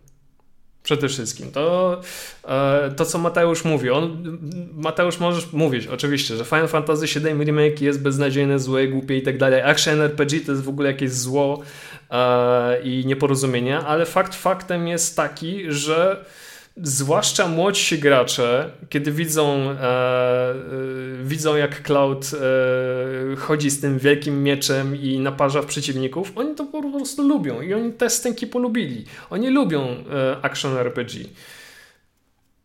To, to jest RPG to jeszcze pół biedy, gdyby ta historia w remake'u była dobra. To jest druga sprawa, to jest druga sprawa. Ja się tu nie będę kłócił, bo już mówiłem, że ta historia... Nie mówmy o DLC. Nie mówmy o DLC, nie mówmy o DLC. się pojawi. Także, także, to jest, także to jest moja perspektywa. E, jeśli chciałeś rzeczywiście dowiedzieć się czegoś o JRPG-ach, no to przede wszystkim musiałeś kupować sobie takie magazyny jak e, Neo, Neo Plus, e, PSX Extreme i w sumie to tyle. Ja recenzję Final Fantasy VII przeczytałem na przykład w wersji na PC w magazynie Reset. I chyba. CD Action w, też była. Tak, i w CD Action również była. I to był max, jeśli chodzi o JRPG w takich naprawdę dużych, e, bardziej znanych e, tytułach. Także jeśli chciałeś E, jeśli chciałeś poznać jakiekolwiek e, osoby, które grzęzną w tym środowisku JRPG-owym, no to jeździłeś właśnie czy na konwenty, czy na spotkania czytelników PSX Extreme i to tyle. Jeśli ja miałbym e, gdybać i bawić się matematyką, powiedziałbym to, że powiedziałbym to w ten sposób, że w JRPG gra, w, w, w RPG całość jako gatunku grają 100 osób. I spośród z tych 100 e, osób jakieś 5 gra w JRPG. I wśród nich pojawiamy się na przykład my. I to jest max. Tak, jeszcze jak byłby e, Michał z nami, to byłaby właśnie ta piąta osoba, nie? Dokładnie. Ide, i, idealnie by było. Ja jeszcze... Także myślę, jeszcze, że może tak, e, mhm. że dokończę.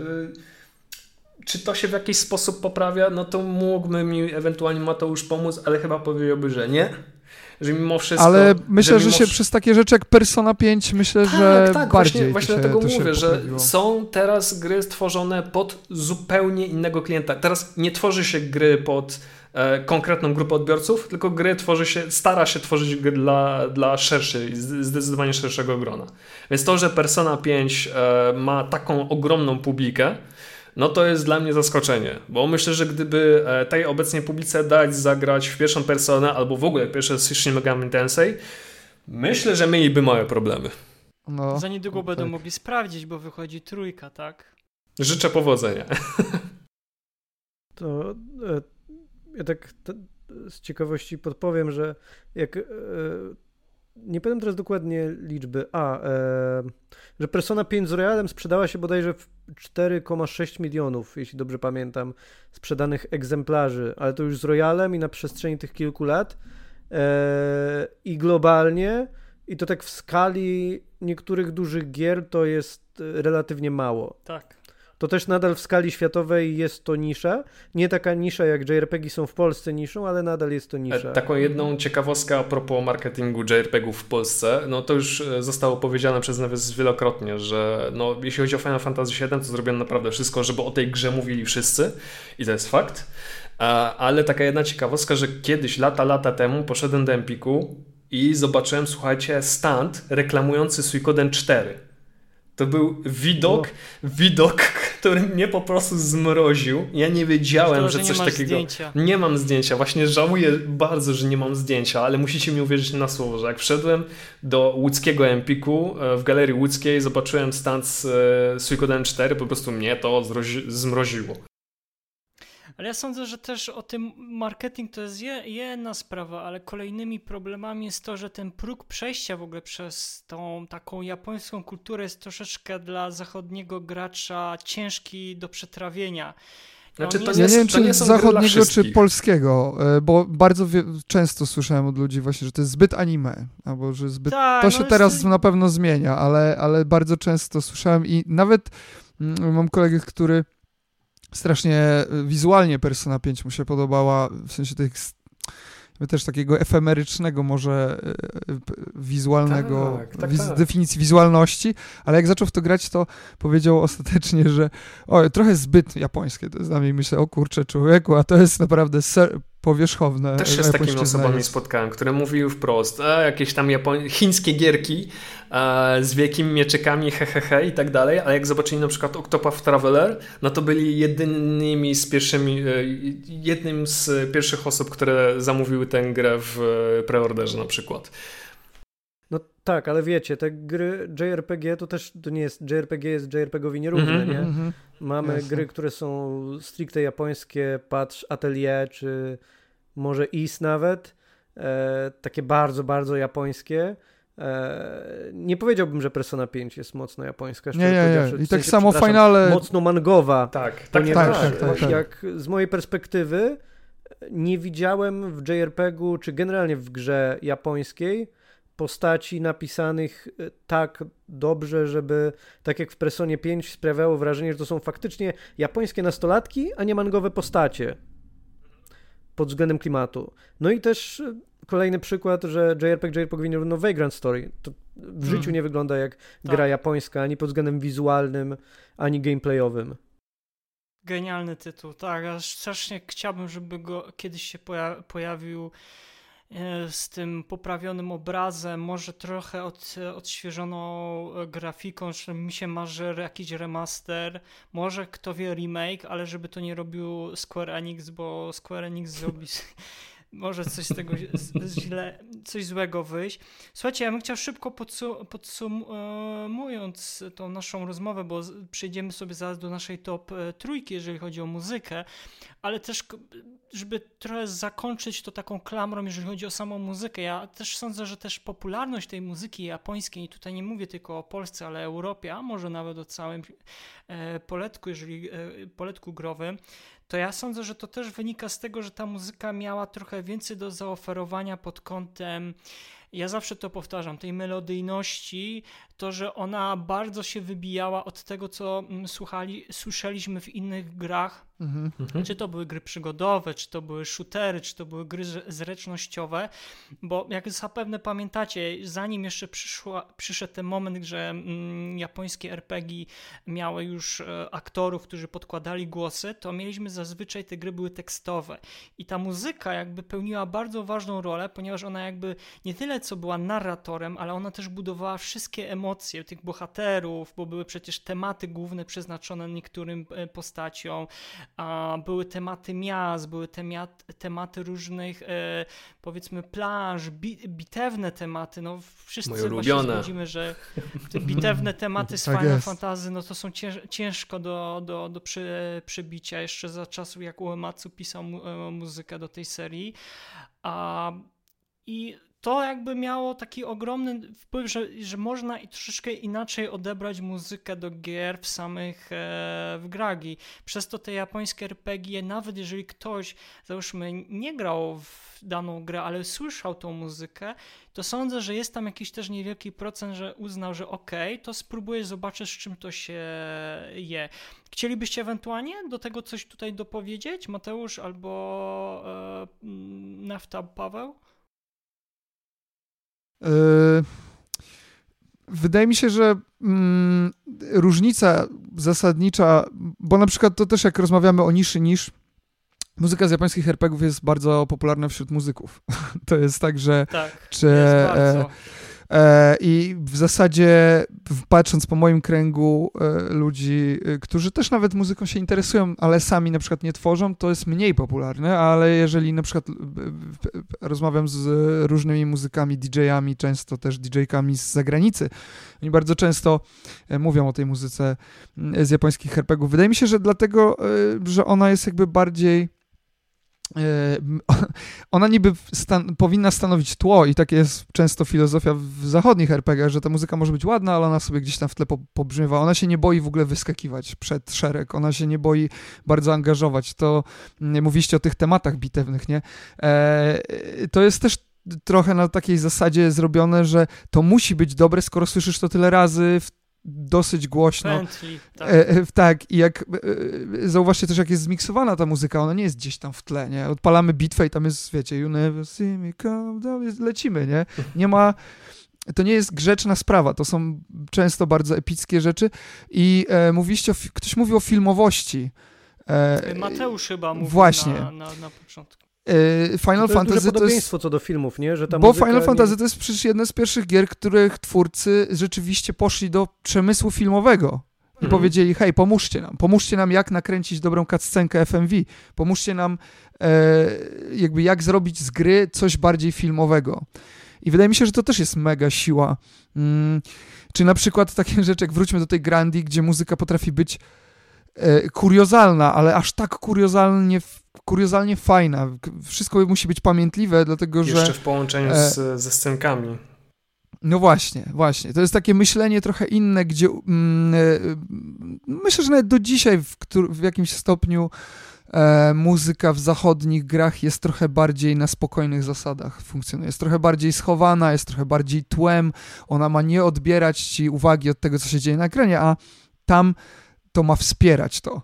To ma wsp- nawet za cenę tego, jeżeli to przejmie trochę twojej uwagi, to ma to wspierać, ale z drugiej strony, jak ma przejąć uwagę, jak ziomek z mieczem trzy razy większym od siebie samego skacze na Boga, nie? Więc to jakby, wiecie, to jest, wydaje mi się, to, że to też jest to. A z drugiej strony mamy mm, y, coś jak Usugiyamy, który kompletnie rozumie klimat tego, co się dzieje, tę familiarność, tę pewnego rodzaju rodzinność Dragon Questa, e, klimat lekkiej przygody i, i to jest też takie straszne zrozumienie istoty tego, co się dzieje na ekranie i komplementarna rola tej muzyki, że oni jednak wspierają bardzo mocno to, co się dzieje na ekranie, nie chcą, żeby to ustępowało temu, co się dzieje, więc jeżeli mamy kogoś, kto skacze na Boga, no to on musi mieć solidne tło muzyczne, żeby mu się ten skok udał, e, a nie jakieś tam, wiecie, pitu-pitu na skrzypkach, nie? To tak jak ja tutaj dopowiem jeszcze, bo przypomniałeś to, że mówiłem o tej filmowości, natomiast to też warto zwrócić uwagę, jakiego rodzaju jest to filmowość, no bo e, ja na przykład niekoniecznie e, uważam, że to nie jest dobre udźwiękowienie do filmu, kiedy ja tej muzyki z filmu nie pamiętam. Kiedy te sceny nie kojarzą mi się z konkretną muzyką, nie? Więc o to właśnie chodzi. Dobrze to ująłeś, że ta muzyka się wybija, nie? E, Jeżeli oglądam film i pamiętam numery, które, e, że to nie było tylko takie tełko, które gdzieś tam plum plum mi przygrywało, żeby mi było milej w tej scenie, tylko ta muzyka jeszcze bardziej wyciągnęła na wierzch emocje postaci, czy to w grze, czy to w filmie, e, lub też pokierowała moimi emocjami poprzez tę scenę, no to to jest ta filmowa muzyka, do której porównuję muzykę grową, nie? Z JRPG-ów, że to jest to. E, To jest to, co wyciąga to mięso z tej sceny poza scenariuszem, jako taki tak naprawdę e, równorzędny, często, przynajmniej dla mnie w moim odczuciu, element. Tak, muzy- muzyka jest przede wszystkim elementem takim towarzyszącym. Ona nie jest e, gdzieś grana w tle, tylko bierze aktywny udział w e, tym, co się dzieje na ekranie. I myślę, że takim najlepszym przykładem, przynajmniej z mojej perspektywy, jest na przykład Final Fantasy VI, gdzie każda z postaci ma praktycznie swój własny motyw przewodni, ale też pojawiają się takie melodie, które pojawiają się w odpowiednim momencie. Mm, Które mają e, podkreślić e, i uczucia bohatera, i to, co się e, z nimi dzieje obecnie, to, o czym myślą, to, o czym czują, i tak dalej, i tak dalej. Myślę, że to jest właśnie najważniejsze. Że ta muzyka nie jest tylko dodatkiem fajnym, który po prostu wrzucimy na soundtrack w SIO i, wydamy na, na album, tylko po prostu jest aktywnym takim elementem fabularnym, Mhm. tak.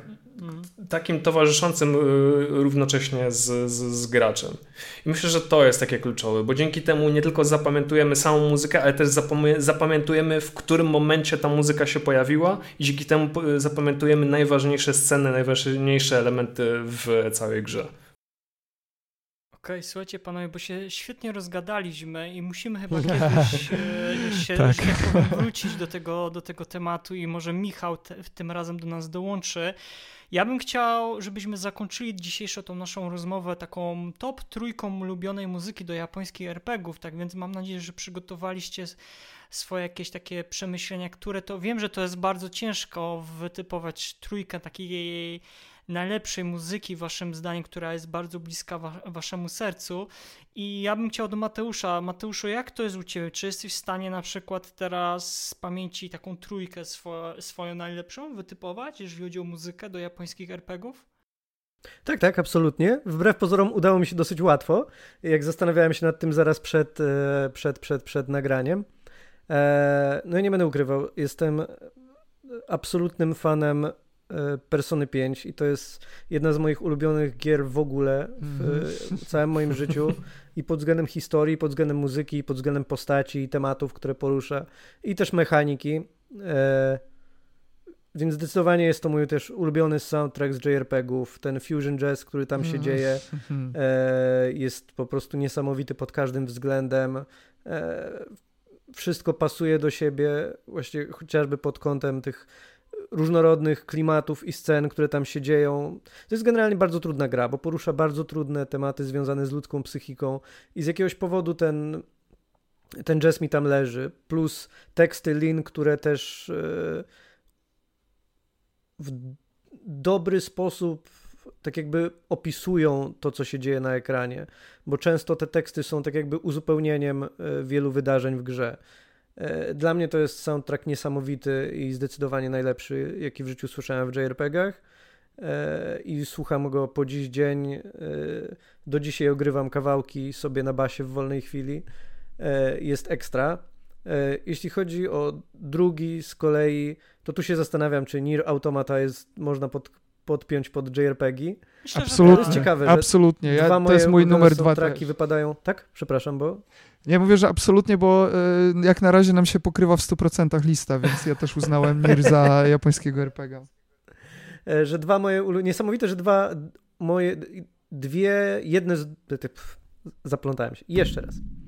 To jest niesamowite, że dwie gry, które mieszczą się w liście moich ulubionych, zarówno gameplayowo, jak i e, pod względem soundtracków, wyszły tego samego roku. E, bo Nier Automata wyszedł w tym samym roku co Persona 5, oryginalna. E, no i nie, no ja po prostu każdy numer z tej płyty to są dla mnie kołysanki dla moich uszu. E, to, że oni wymyślili język. Amy który... Evans, też tutaj piosenkarka. Mhm. Tak, tak, tak. E, oni wymyślili język dla tej gry, w którym śpiewane są też e, wszystkie utwory, e, które wyobrażali sobie, jakby brzmiał japoński za kilkanaście tysięcy lat. E, więc to są konkretne słowa. E, te piosenki składają się z konkretnych słów wymyślonych na potrzeby tych utworów. One są właśnie. Powtarza, powtar Michał tutaj, fu, Paweł rzucał parę razy słowo efemeryczne i właśnie dla mnie to jest to, to jest to jest właśnie synonim takiej efemerycznej muzyki, która po prostu rozpływam się w niej, kiedy jej słucham. I trzeci, E, trzecia, trzeci mój ulubiony soundtrack to będzie oczywiście niezastąpiony Nobuo Uematsu, ale żeby wszystkich zaskoczyć, będzie to Lost Odyssey. E, no nie wiem, zwłaszcza ten Battle Team. E, dobra muzyka, naprawdę z, Zwykły Battle Team e, jest dla mnie chyba jednym z najlepszych numerów, jakie Uematsu w życiu zrobił, który zwykle te battle themy, jak się o nich myśli, one tak mają zagrzewać do walki, prawda, nakręcać człowieka, a tu odpala się utwór, który brzmi jak, trochę jak taniec towarzyski dla mnie. I to jest niesamowite, że te postacie płyną poprzez walkę, e, dzięki temu utworowi jakby tańczyły ze sobą, przynajmniej ja to w ten sposób odbieram. E, no i właściwie wszystkie te utwory z soundtracku są po prostu pik Nobuo Uematsu. E, one są to jest trochę jak całe Lost Odyssey, że ono jest taką natu naturalnym rozwinięciem tego, co Sakaguchi robił e, przy Final Fantasy, że to jest coś, co jest znane mi, tak jakby jak odpalam sobie myślę, kurczę, to mogłoby być kolejne Final Fantasy, ale jest na tyle też odległe od tego, że jest odmiennym bytem i tak samo ta ścieżka dźwiękowa. E, jest trochę czymś takim sztandarowym dla Sakaguchiego z jednej strony, a z drugiej strony jest tam wiele takich zupełnie nowych dla niego motywów, które e, naprawdę dla mnie są szczytem jego całej roboty. Świetna lista, e, świetna top trójka, tak więc dzięki, dzięki wielkie Mateusz. E, Nafta, a jak jest u ciebie z tą top trójką? Znaczy już powoli, powoli tak, wiemy, już że zabawne, jaka tak. będzie. Tak, to jest Ale bardzo zabawne. chciał rozwinąć na przykład. E, trochę rozwinę, trochę rozwinę Mhm. e, i w ogóle po, e, podzielam e, twoje zaszokowanie Mateusz, bo też w tamtym roku e, po prostu chodziłem z zerwaną czapką, że te dwie gry e, w zasadzie to, to była muzyka, której słuchałem nie tylko e, z gier najczęściej, ale po prostu słuchałem szczególnie tutaj mm, z persony e, Shojiego Meguro e, soundtracku i mm, dla mnie ten em, soundtrack jest jakimś takim naprawdę świetnym e, świetną kontynuacją e, takich bardzo tradycyjnych i unikalnych dla Japonii stylistyk, e, które są miłe dla ucha, takie bardzo użytkowe, czyli city pop, Mówiłeś o fusion jazzie i właśnie to są takie rzeczy, które praktycznie po kilku nutkach można odkryć, że to na pewno jest kawałek z Japonii, ponieważ e, u nas e, odpowiednik city popu może byłaby taka mm, muzyka, ale jakaś Krystyna Prońko czy coś w tym stylu.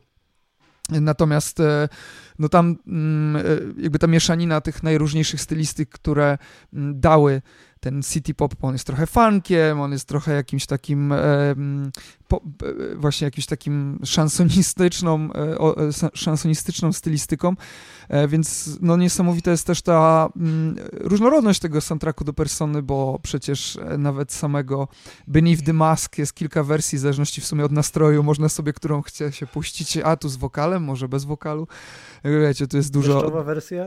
Jaka jeszcze raz? Deszczowa wersja. Deszczowa wersja, Mm. tak, chyba moja ulubiona deszczowa wersja. Uwielbiam w ogóle spać w e, środkach transportu do deszczowej wersji e, Be- Beneath the Mask. E, więc tutaj, no i oczywiście ten Battle Team. E, byłem e, strasznie zaskoczony, że w Royal też są e, nowe utwory i one są mniej więcej na poziomie tych starych. Wiadomo, sentyment jednak pozostaje do tych starych, ale nawet ten drugi Battle Team, e, no trochę z Last Surprise nie może stawać szranki, bo mało co może. ale, ale jednak jest to też świetny utwór, który też się nie nudzi za bardzo, e, więc to mamy. Tutaj ten Keiichi Okabe i, i, i Nier Automata to jest absolutnie jakaś nieziemsk, nieziemskie doświadczenie. Mówiłeś o tym wymyśleniu języka, ale ogólnie ta stylistyka jest taka strasznie futurystyczna, a jednocześnie jakaś y, spoza Bajkowa, czasu, ja spoza powiedział. czasu, spoza miejsca, nie? że jest jakiegoś w ogóle zupełnie innego świata Mm, y, i to mówiliśmy wcześniej o tym, jak bardzo te- ta muzyka jest związana z tym, co się dzieje na ekranie, jak doskonale to się wspiera nawzajem i w Nirze to jest. To, to jakby unikalność tej muzyki absolutnie koresponduje z unikalnością tej gry i mm, potrafię sobie wyobrazić tę grę. Wiecie, gdyby na przykład e, Nier Automata wyszedł na zachodzie, oczywiście nigdy by nie wyszedł, ale gdyby podobnego rodzaju jakaś taka futurystyczna gierka wyszłaby, no to mielibyśmy tam tak zwane incel wave'y, czyli te syntezatorki jakieś albo jakieś ambienty. Natomiast tutaj mamy taki potężny, potężny ładunek e, nieziemskiej muzyki. I teraz trzecia pozycja. Ja chyba tutaj trochę oszukam, bo to będzie jakiś remis. Można remisy? Można, rzucać? Można. E, myślę, że tutaj coś dla, od pana Koichiego Sugiyamy musi trafić i, i, i tutaj wybieram Dragon Questa 5. W ogóle pierwszego Dragon Questa, w którego grałem, to było na DS-ie, bodaj na pierwszym roku studiów w ogóle e, i e, no niesamowita, niesamowita muzyka i mm, rzeczywiście jest tak, że mm, czy grając wciąż rewelacyjną, rewelacyjnego Dragon Questa 11, nie wiem, czy to nie jest top 3 moich Dragon Questów, czy na przykład moja partnerka obecnie gra w Dragon Quest Builders 2 i słyszę te numery z Sugiyamy i one wszystkie są teraz strasznym recyklingiem tych tematów. Nie mówiąc o tym, że przecież oryginalny Dragon Quest 11 wyszedł z MIDI instrumentami, a wersja No. symfoniczna soundtracku była osobno na CD, ale to już są takie idio, idiosynkracje mm, japońskiego rynku. Szczęśliwie w wersji na Switcha czy e, te, te, i, te, mm, ta wersja Na Dragon Quest PlayStation 11. 4 chyba i na Switchu. Tak, tak, tak. No, tak. Ona już ma wybór. Edition, tak, Tak, ona już ma wybór. No, ale jednak tutaj coś od Sugiyamy musi być i mm, no i myślę, że też e, strasznie, strasznie, strasznie lubię muzykę z Grandi. To jest taka teraz świeża rzecz, że od razu z miejsca to wskoczyło bardzo wysoko, bo są tam takie bardziej taneczne jakieś e, kawałki, są takie bardziej e, silly kawałki tam e, pod drinka z palemką.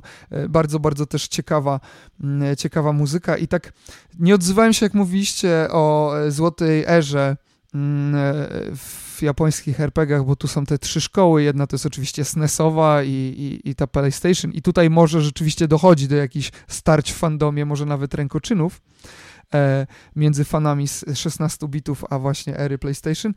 Ale jak się tak zastanawiam, no to mm, wciąż bardziej do mnie trafia muzyka z tych starszych e, RPGów niż z e, PlayStation, ale mm, nie mówię oczywiście o gameplayu, nie mówię o jakości samych gier, ale o tej muzyce, bo, bo, bo jednak e, wyciskano niesamowite rzeczy z 16-bitowej maszyny. Wiecie, te chipy dźwiękowe w starych konsolach to był jakiś żart, nie? No teraz, teraz e, jakby jakieś procesowanie dźwięków w, grze, w grach wygląda zupełnie inaczej. Nawet na poziomie PlayStation to była rewolucja. Zresztą Sony się chwaliło, jakiś potężny chip muzyczny ma, so, ma PlayStation, e, więc tutaj, e, ale jest jakaś, jest jakaś magia w tych 16-bitowych utworach, które próbują, nie zawsze z dobrym, nie zawsze udanie, ale jednak zawsze próbują być czymś więcej niż tym małym, wiecie, żałosnym chipkiem 16-bitowym próbują e, pchnąć te rzeczy do przodu.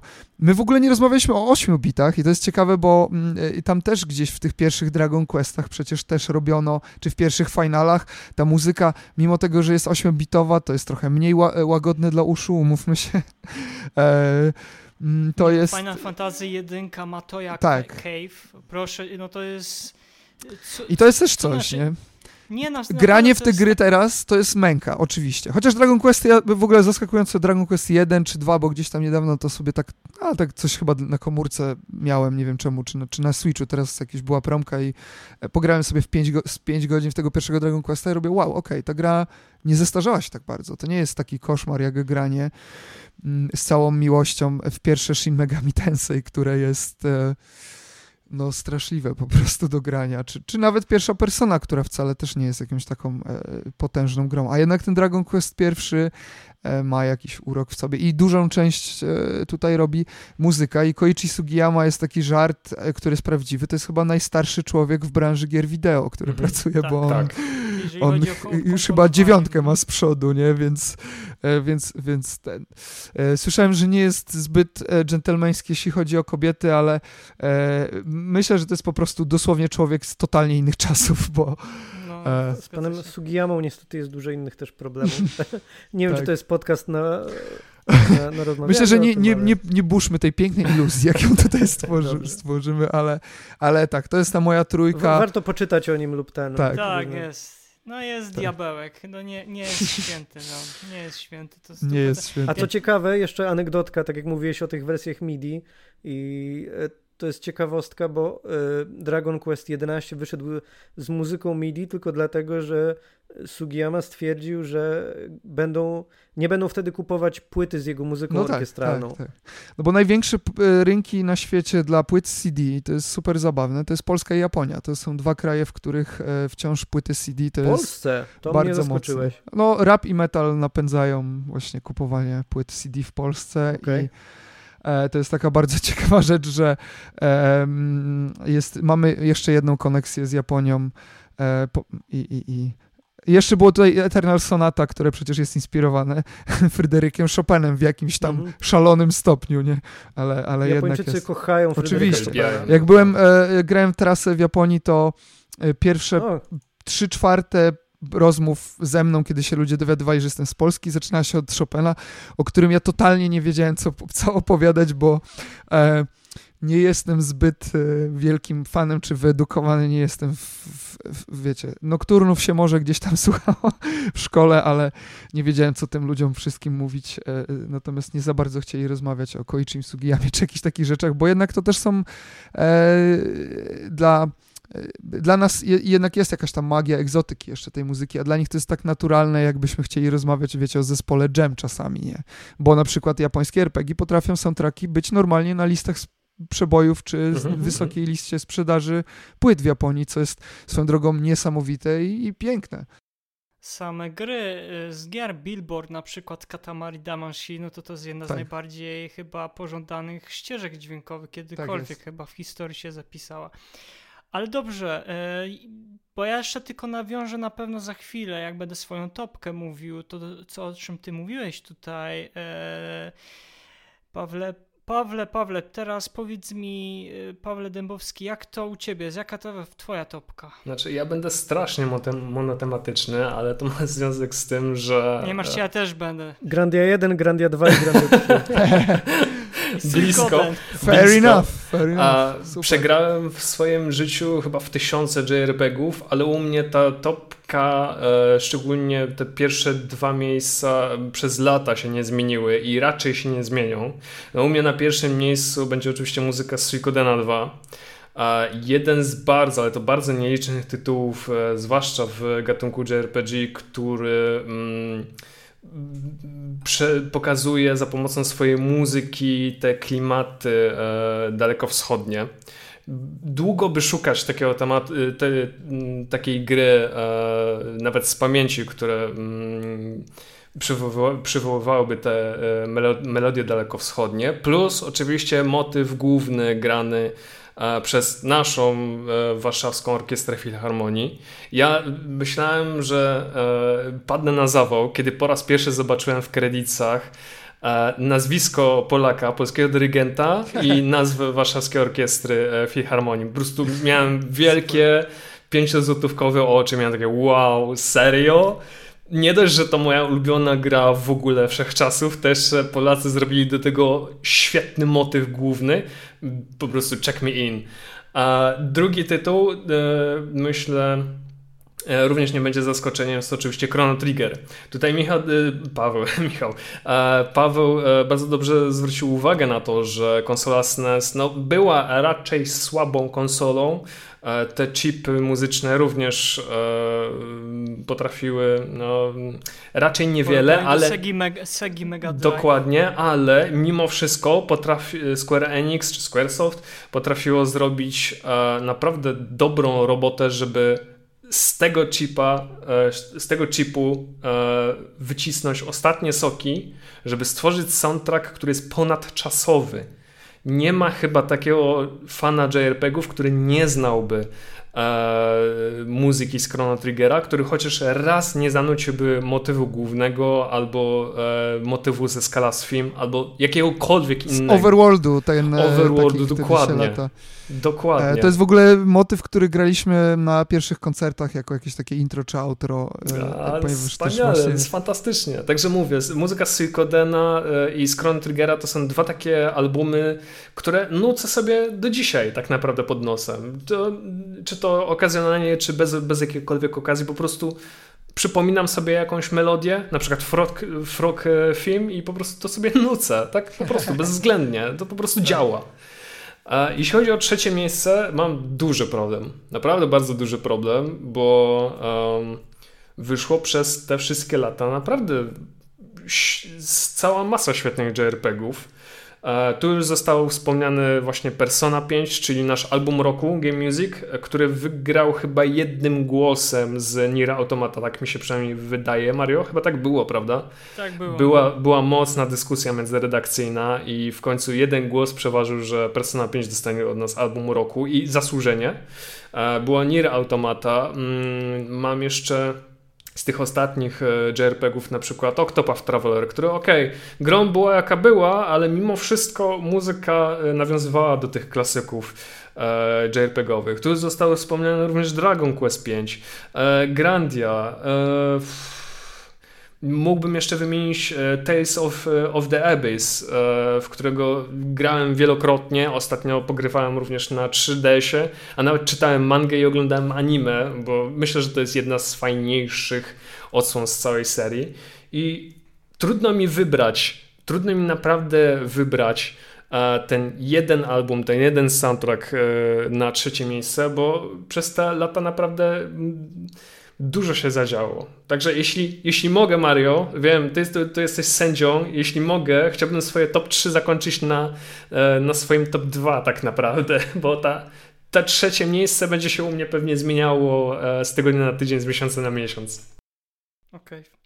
No dobrze, dobrze, dzięki. Dziękuję w ogóle za swoją, przedstawienie swojej trójki. To ja raczej tutaj powiem wam szczerze, będę strasznie staroszkolny, mimo tego, że też bardzo sobie cenię muzykę do per Persony, bo mamy zarówno na płycie CD i na winylu też tą muzykę z Persony piątki, tak więc bardzo lubię tą, tą muzykę. Pomijając już Nir Automatę, to już w ogóle to jest przegenialna muzyka, zresztą jak byłem e, w Japonii to miałem okazję i się teraz od jakiegoś czasu koleguję z Emi Evans, tak więc e, no jest to co zrobił właśnie tutaj też mówił Paweł, to co zrobił Keiji Koabe ze swoim tam zespołem, no to jest nieporównywalne do tego, po prostu na nowy poziom pokazał trochę jak japoński, muzykę do japońskich RPGów może, może wygl wyglądać i to się jakby najbardziej udało. Ja natomiast jestem trochę staroszkolny, ponieważ właśnie te ograniczenia, ograniczenia sprzętowe e, za czasu właśnie NESa, SNESa pozwoliły to to, no i też trochę PlayStation, można by powiedzieć, po części, pozwoliły to, że kompozytorzy musieli troszeczkę się wykazać trochę większą taką dozą kreatywności i przez to dostaliśmy ogromną ilość tematów, a w niektórych ścieżkach, ścieżkach dźwiękowych. I tutaj zacznę od trzeciego miejsca, to jest właśnie Chrono, Chrono Trigger e, Yasunori Mitsudy temat na temacie. No, co tutaj dużo można jeszcze e, dodać? Przeze mnie uwielbiany Frog Team, wspomniany przez pa e, Pawła. I to jest. E, to wpłynęło później na karierę Mi Mitsudy, bo mamy później przegenialnego Chrono Crossa, później, wcześniej jeszcze był Xenogears, a no i jeszcze, jeszcze Xeno, Xenosaga. Moim zdaniem jakby muzyka i ta popularność Chrono Triggera bardzo wpłynęła później na karierę samego Mitsudy, że on jest takim troszeczkę... Mm, on jest tego bardzo znany, z tej takiej folkowości, że ten folklor się po prostu wypływa trochę z jego muzyki. On dużo nawiązuje do tych e, wyspiarskiego tego folkloru i to słychać w Chrono Triggerze, Chrono Crossie i, e, i w Xenogears w Xenogearsie. Natomiast druga pozycja to jest Final Fantasy Tactic Hitoshiego Sekimoto i Masaharu Iwaty. Moim zdaniem to jest najlepsze dzieło e, Sekimoto. Jak mimo tego, że uwielbiam muzykę do Wargan Story, do Final Fantasy XII, e, Dragon Quest Quarta i tam jeszcze, e, przepraszam, Dragon, Breath of Fire e, Quarta i jeszcze kilka, kilka innych tytułów napisanych przez Tactica, między innymi e, przez Sekimoto, między innymi Valkyria e, Chronicles, pierwsza szczególnie od, odsłona, to Final Fantasy Tactic to jest właśnie te ograniczenia pokazały, że on jest w stanie wygenerować dźwięki orkiestry, nie nagrywając samej orkiestry i to słychać. E, to, to, to w każdym praktycznie utworze i w tych tematach, że ta muzyka jest agresywna, ona jest poważna. Kiedy ma być e, wesoło, to ona jest wesoła, ale no jak spędzamy mnóstwo godzin na tych planszach, i te, te, ten taki by tryb taktyczny, no to tutaj jakby muzyka napisana przez Sakimoto sądzę, że też miała później ogromny na niego e, wydźwięk komponując kolejne produkcje i nawet to słychać później w kolejnych jakby grach, e, chociażby do Valinia, Valinia e, Studio i i do tych gier, do których on tam między innymi ze swoim zespołem skomponował. Natomiast pierwsze miejsce musiał, musiałem tutaj dać, pierwsze miejsce to jest Final Fantasy VII Nobuo Matsu, bo moja miłość jakby do, japoński, do muzyki z japońskich RPGów od tego się za, e, za, zaczęła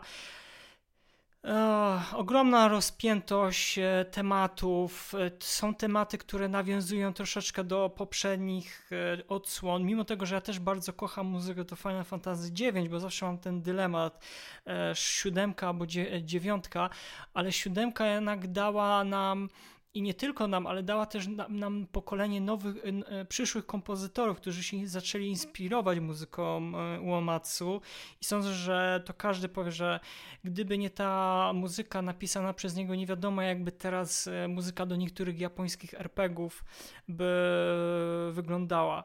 Szkoda, że nie, było, nie byłem w stanie tutaj na przykład między innymi Yoko Shimomori, która zrobiła przepiękną muzykę do Netsu Legend of Mana, i też tam zresztą wymyśliła język, ale była trójka, była trójka.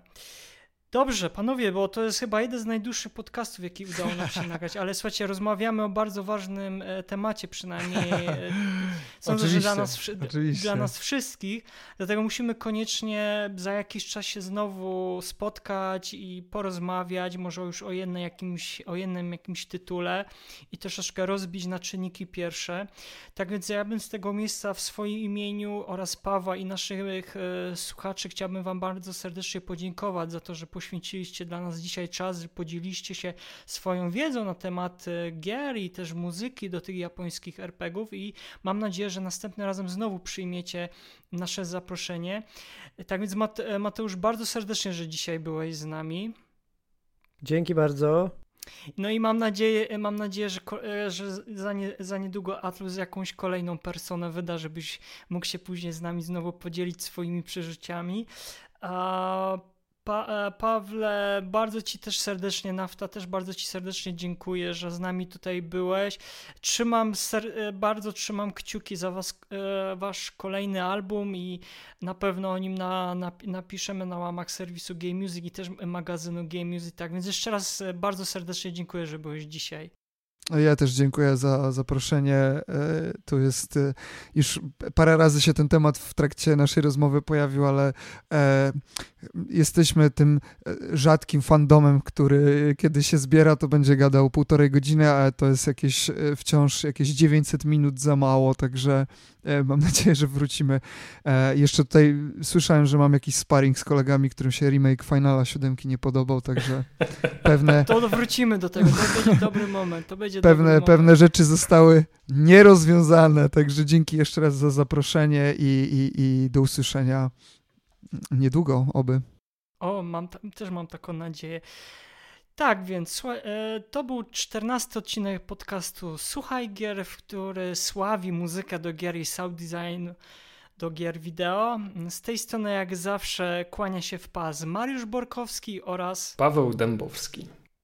Trzymajcie się, do usłyszenia, do zobaczenia. Cześć.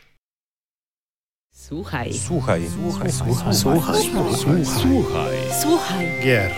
Podcast sławiący kulturę muzyki do gier wideo.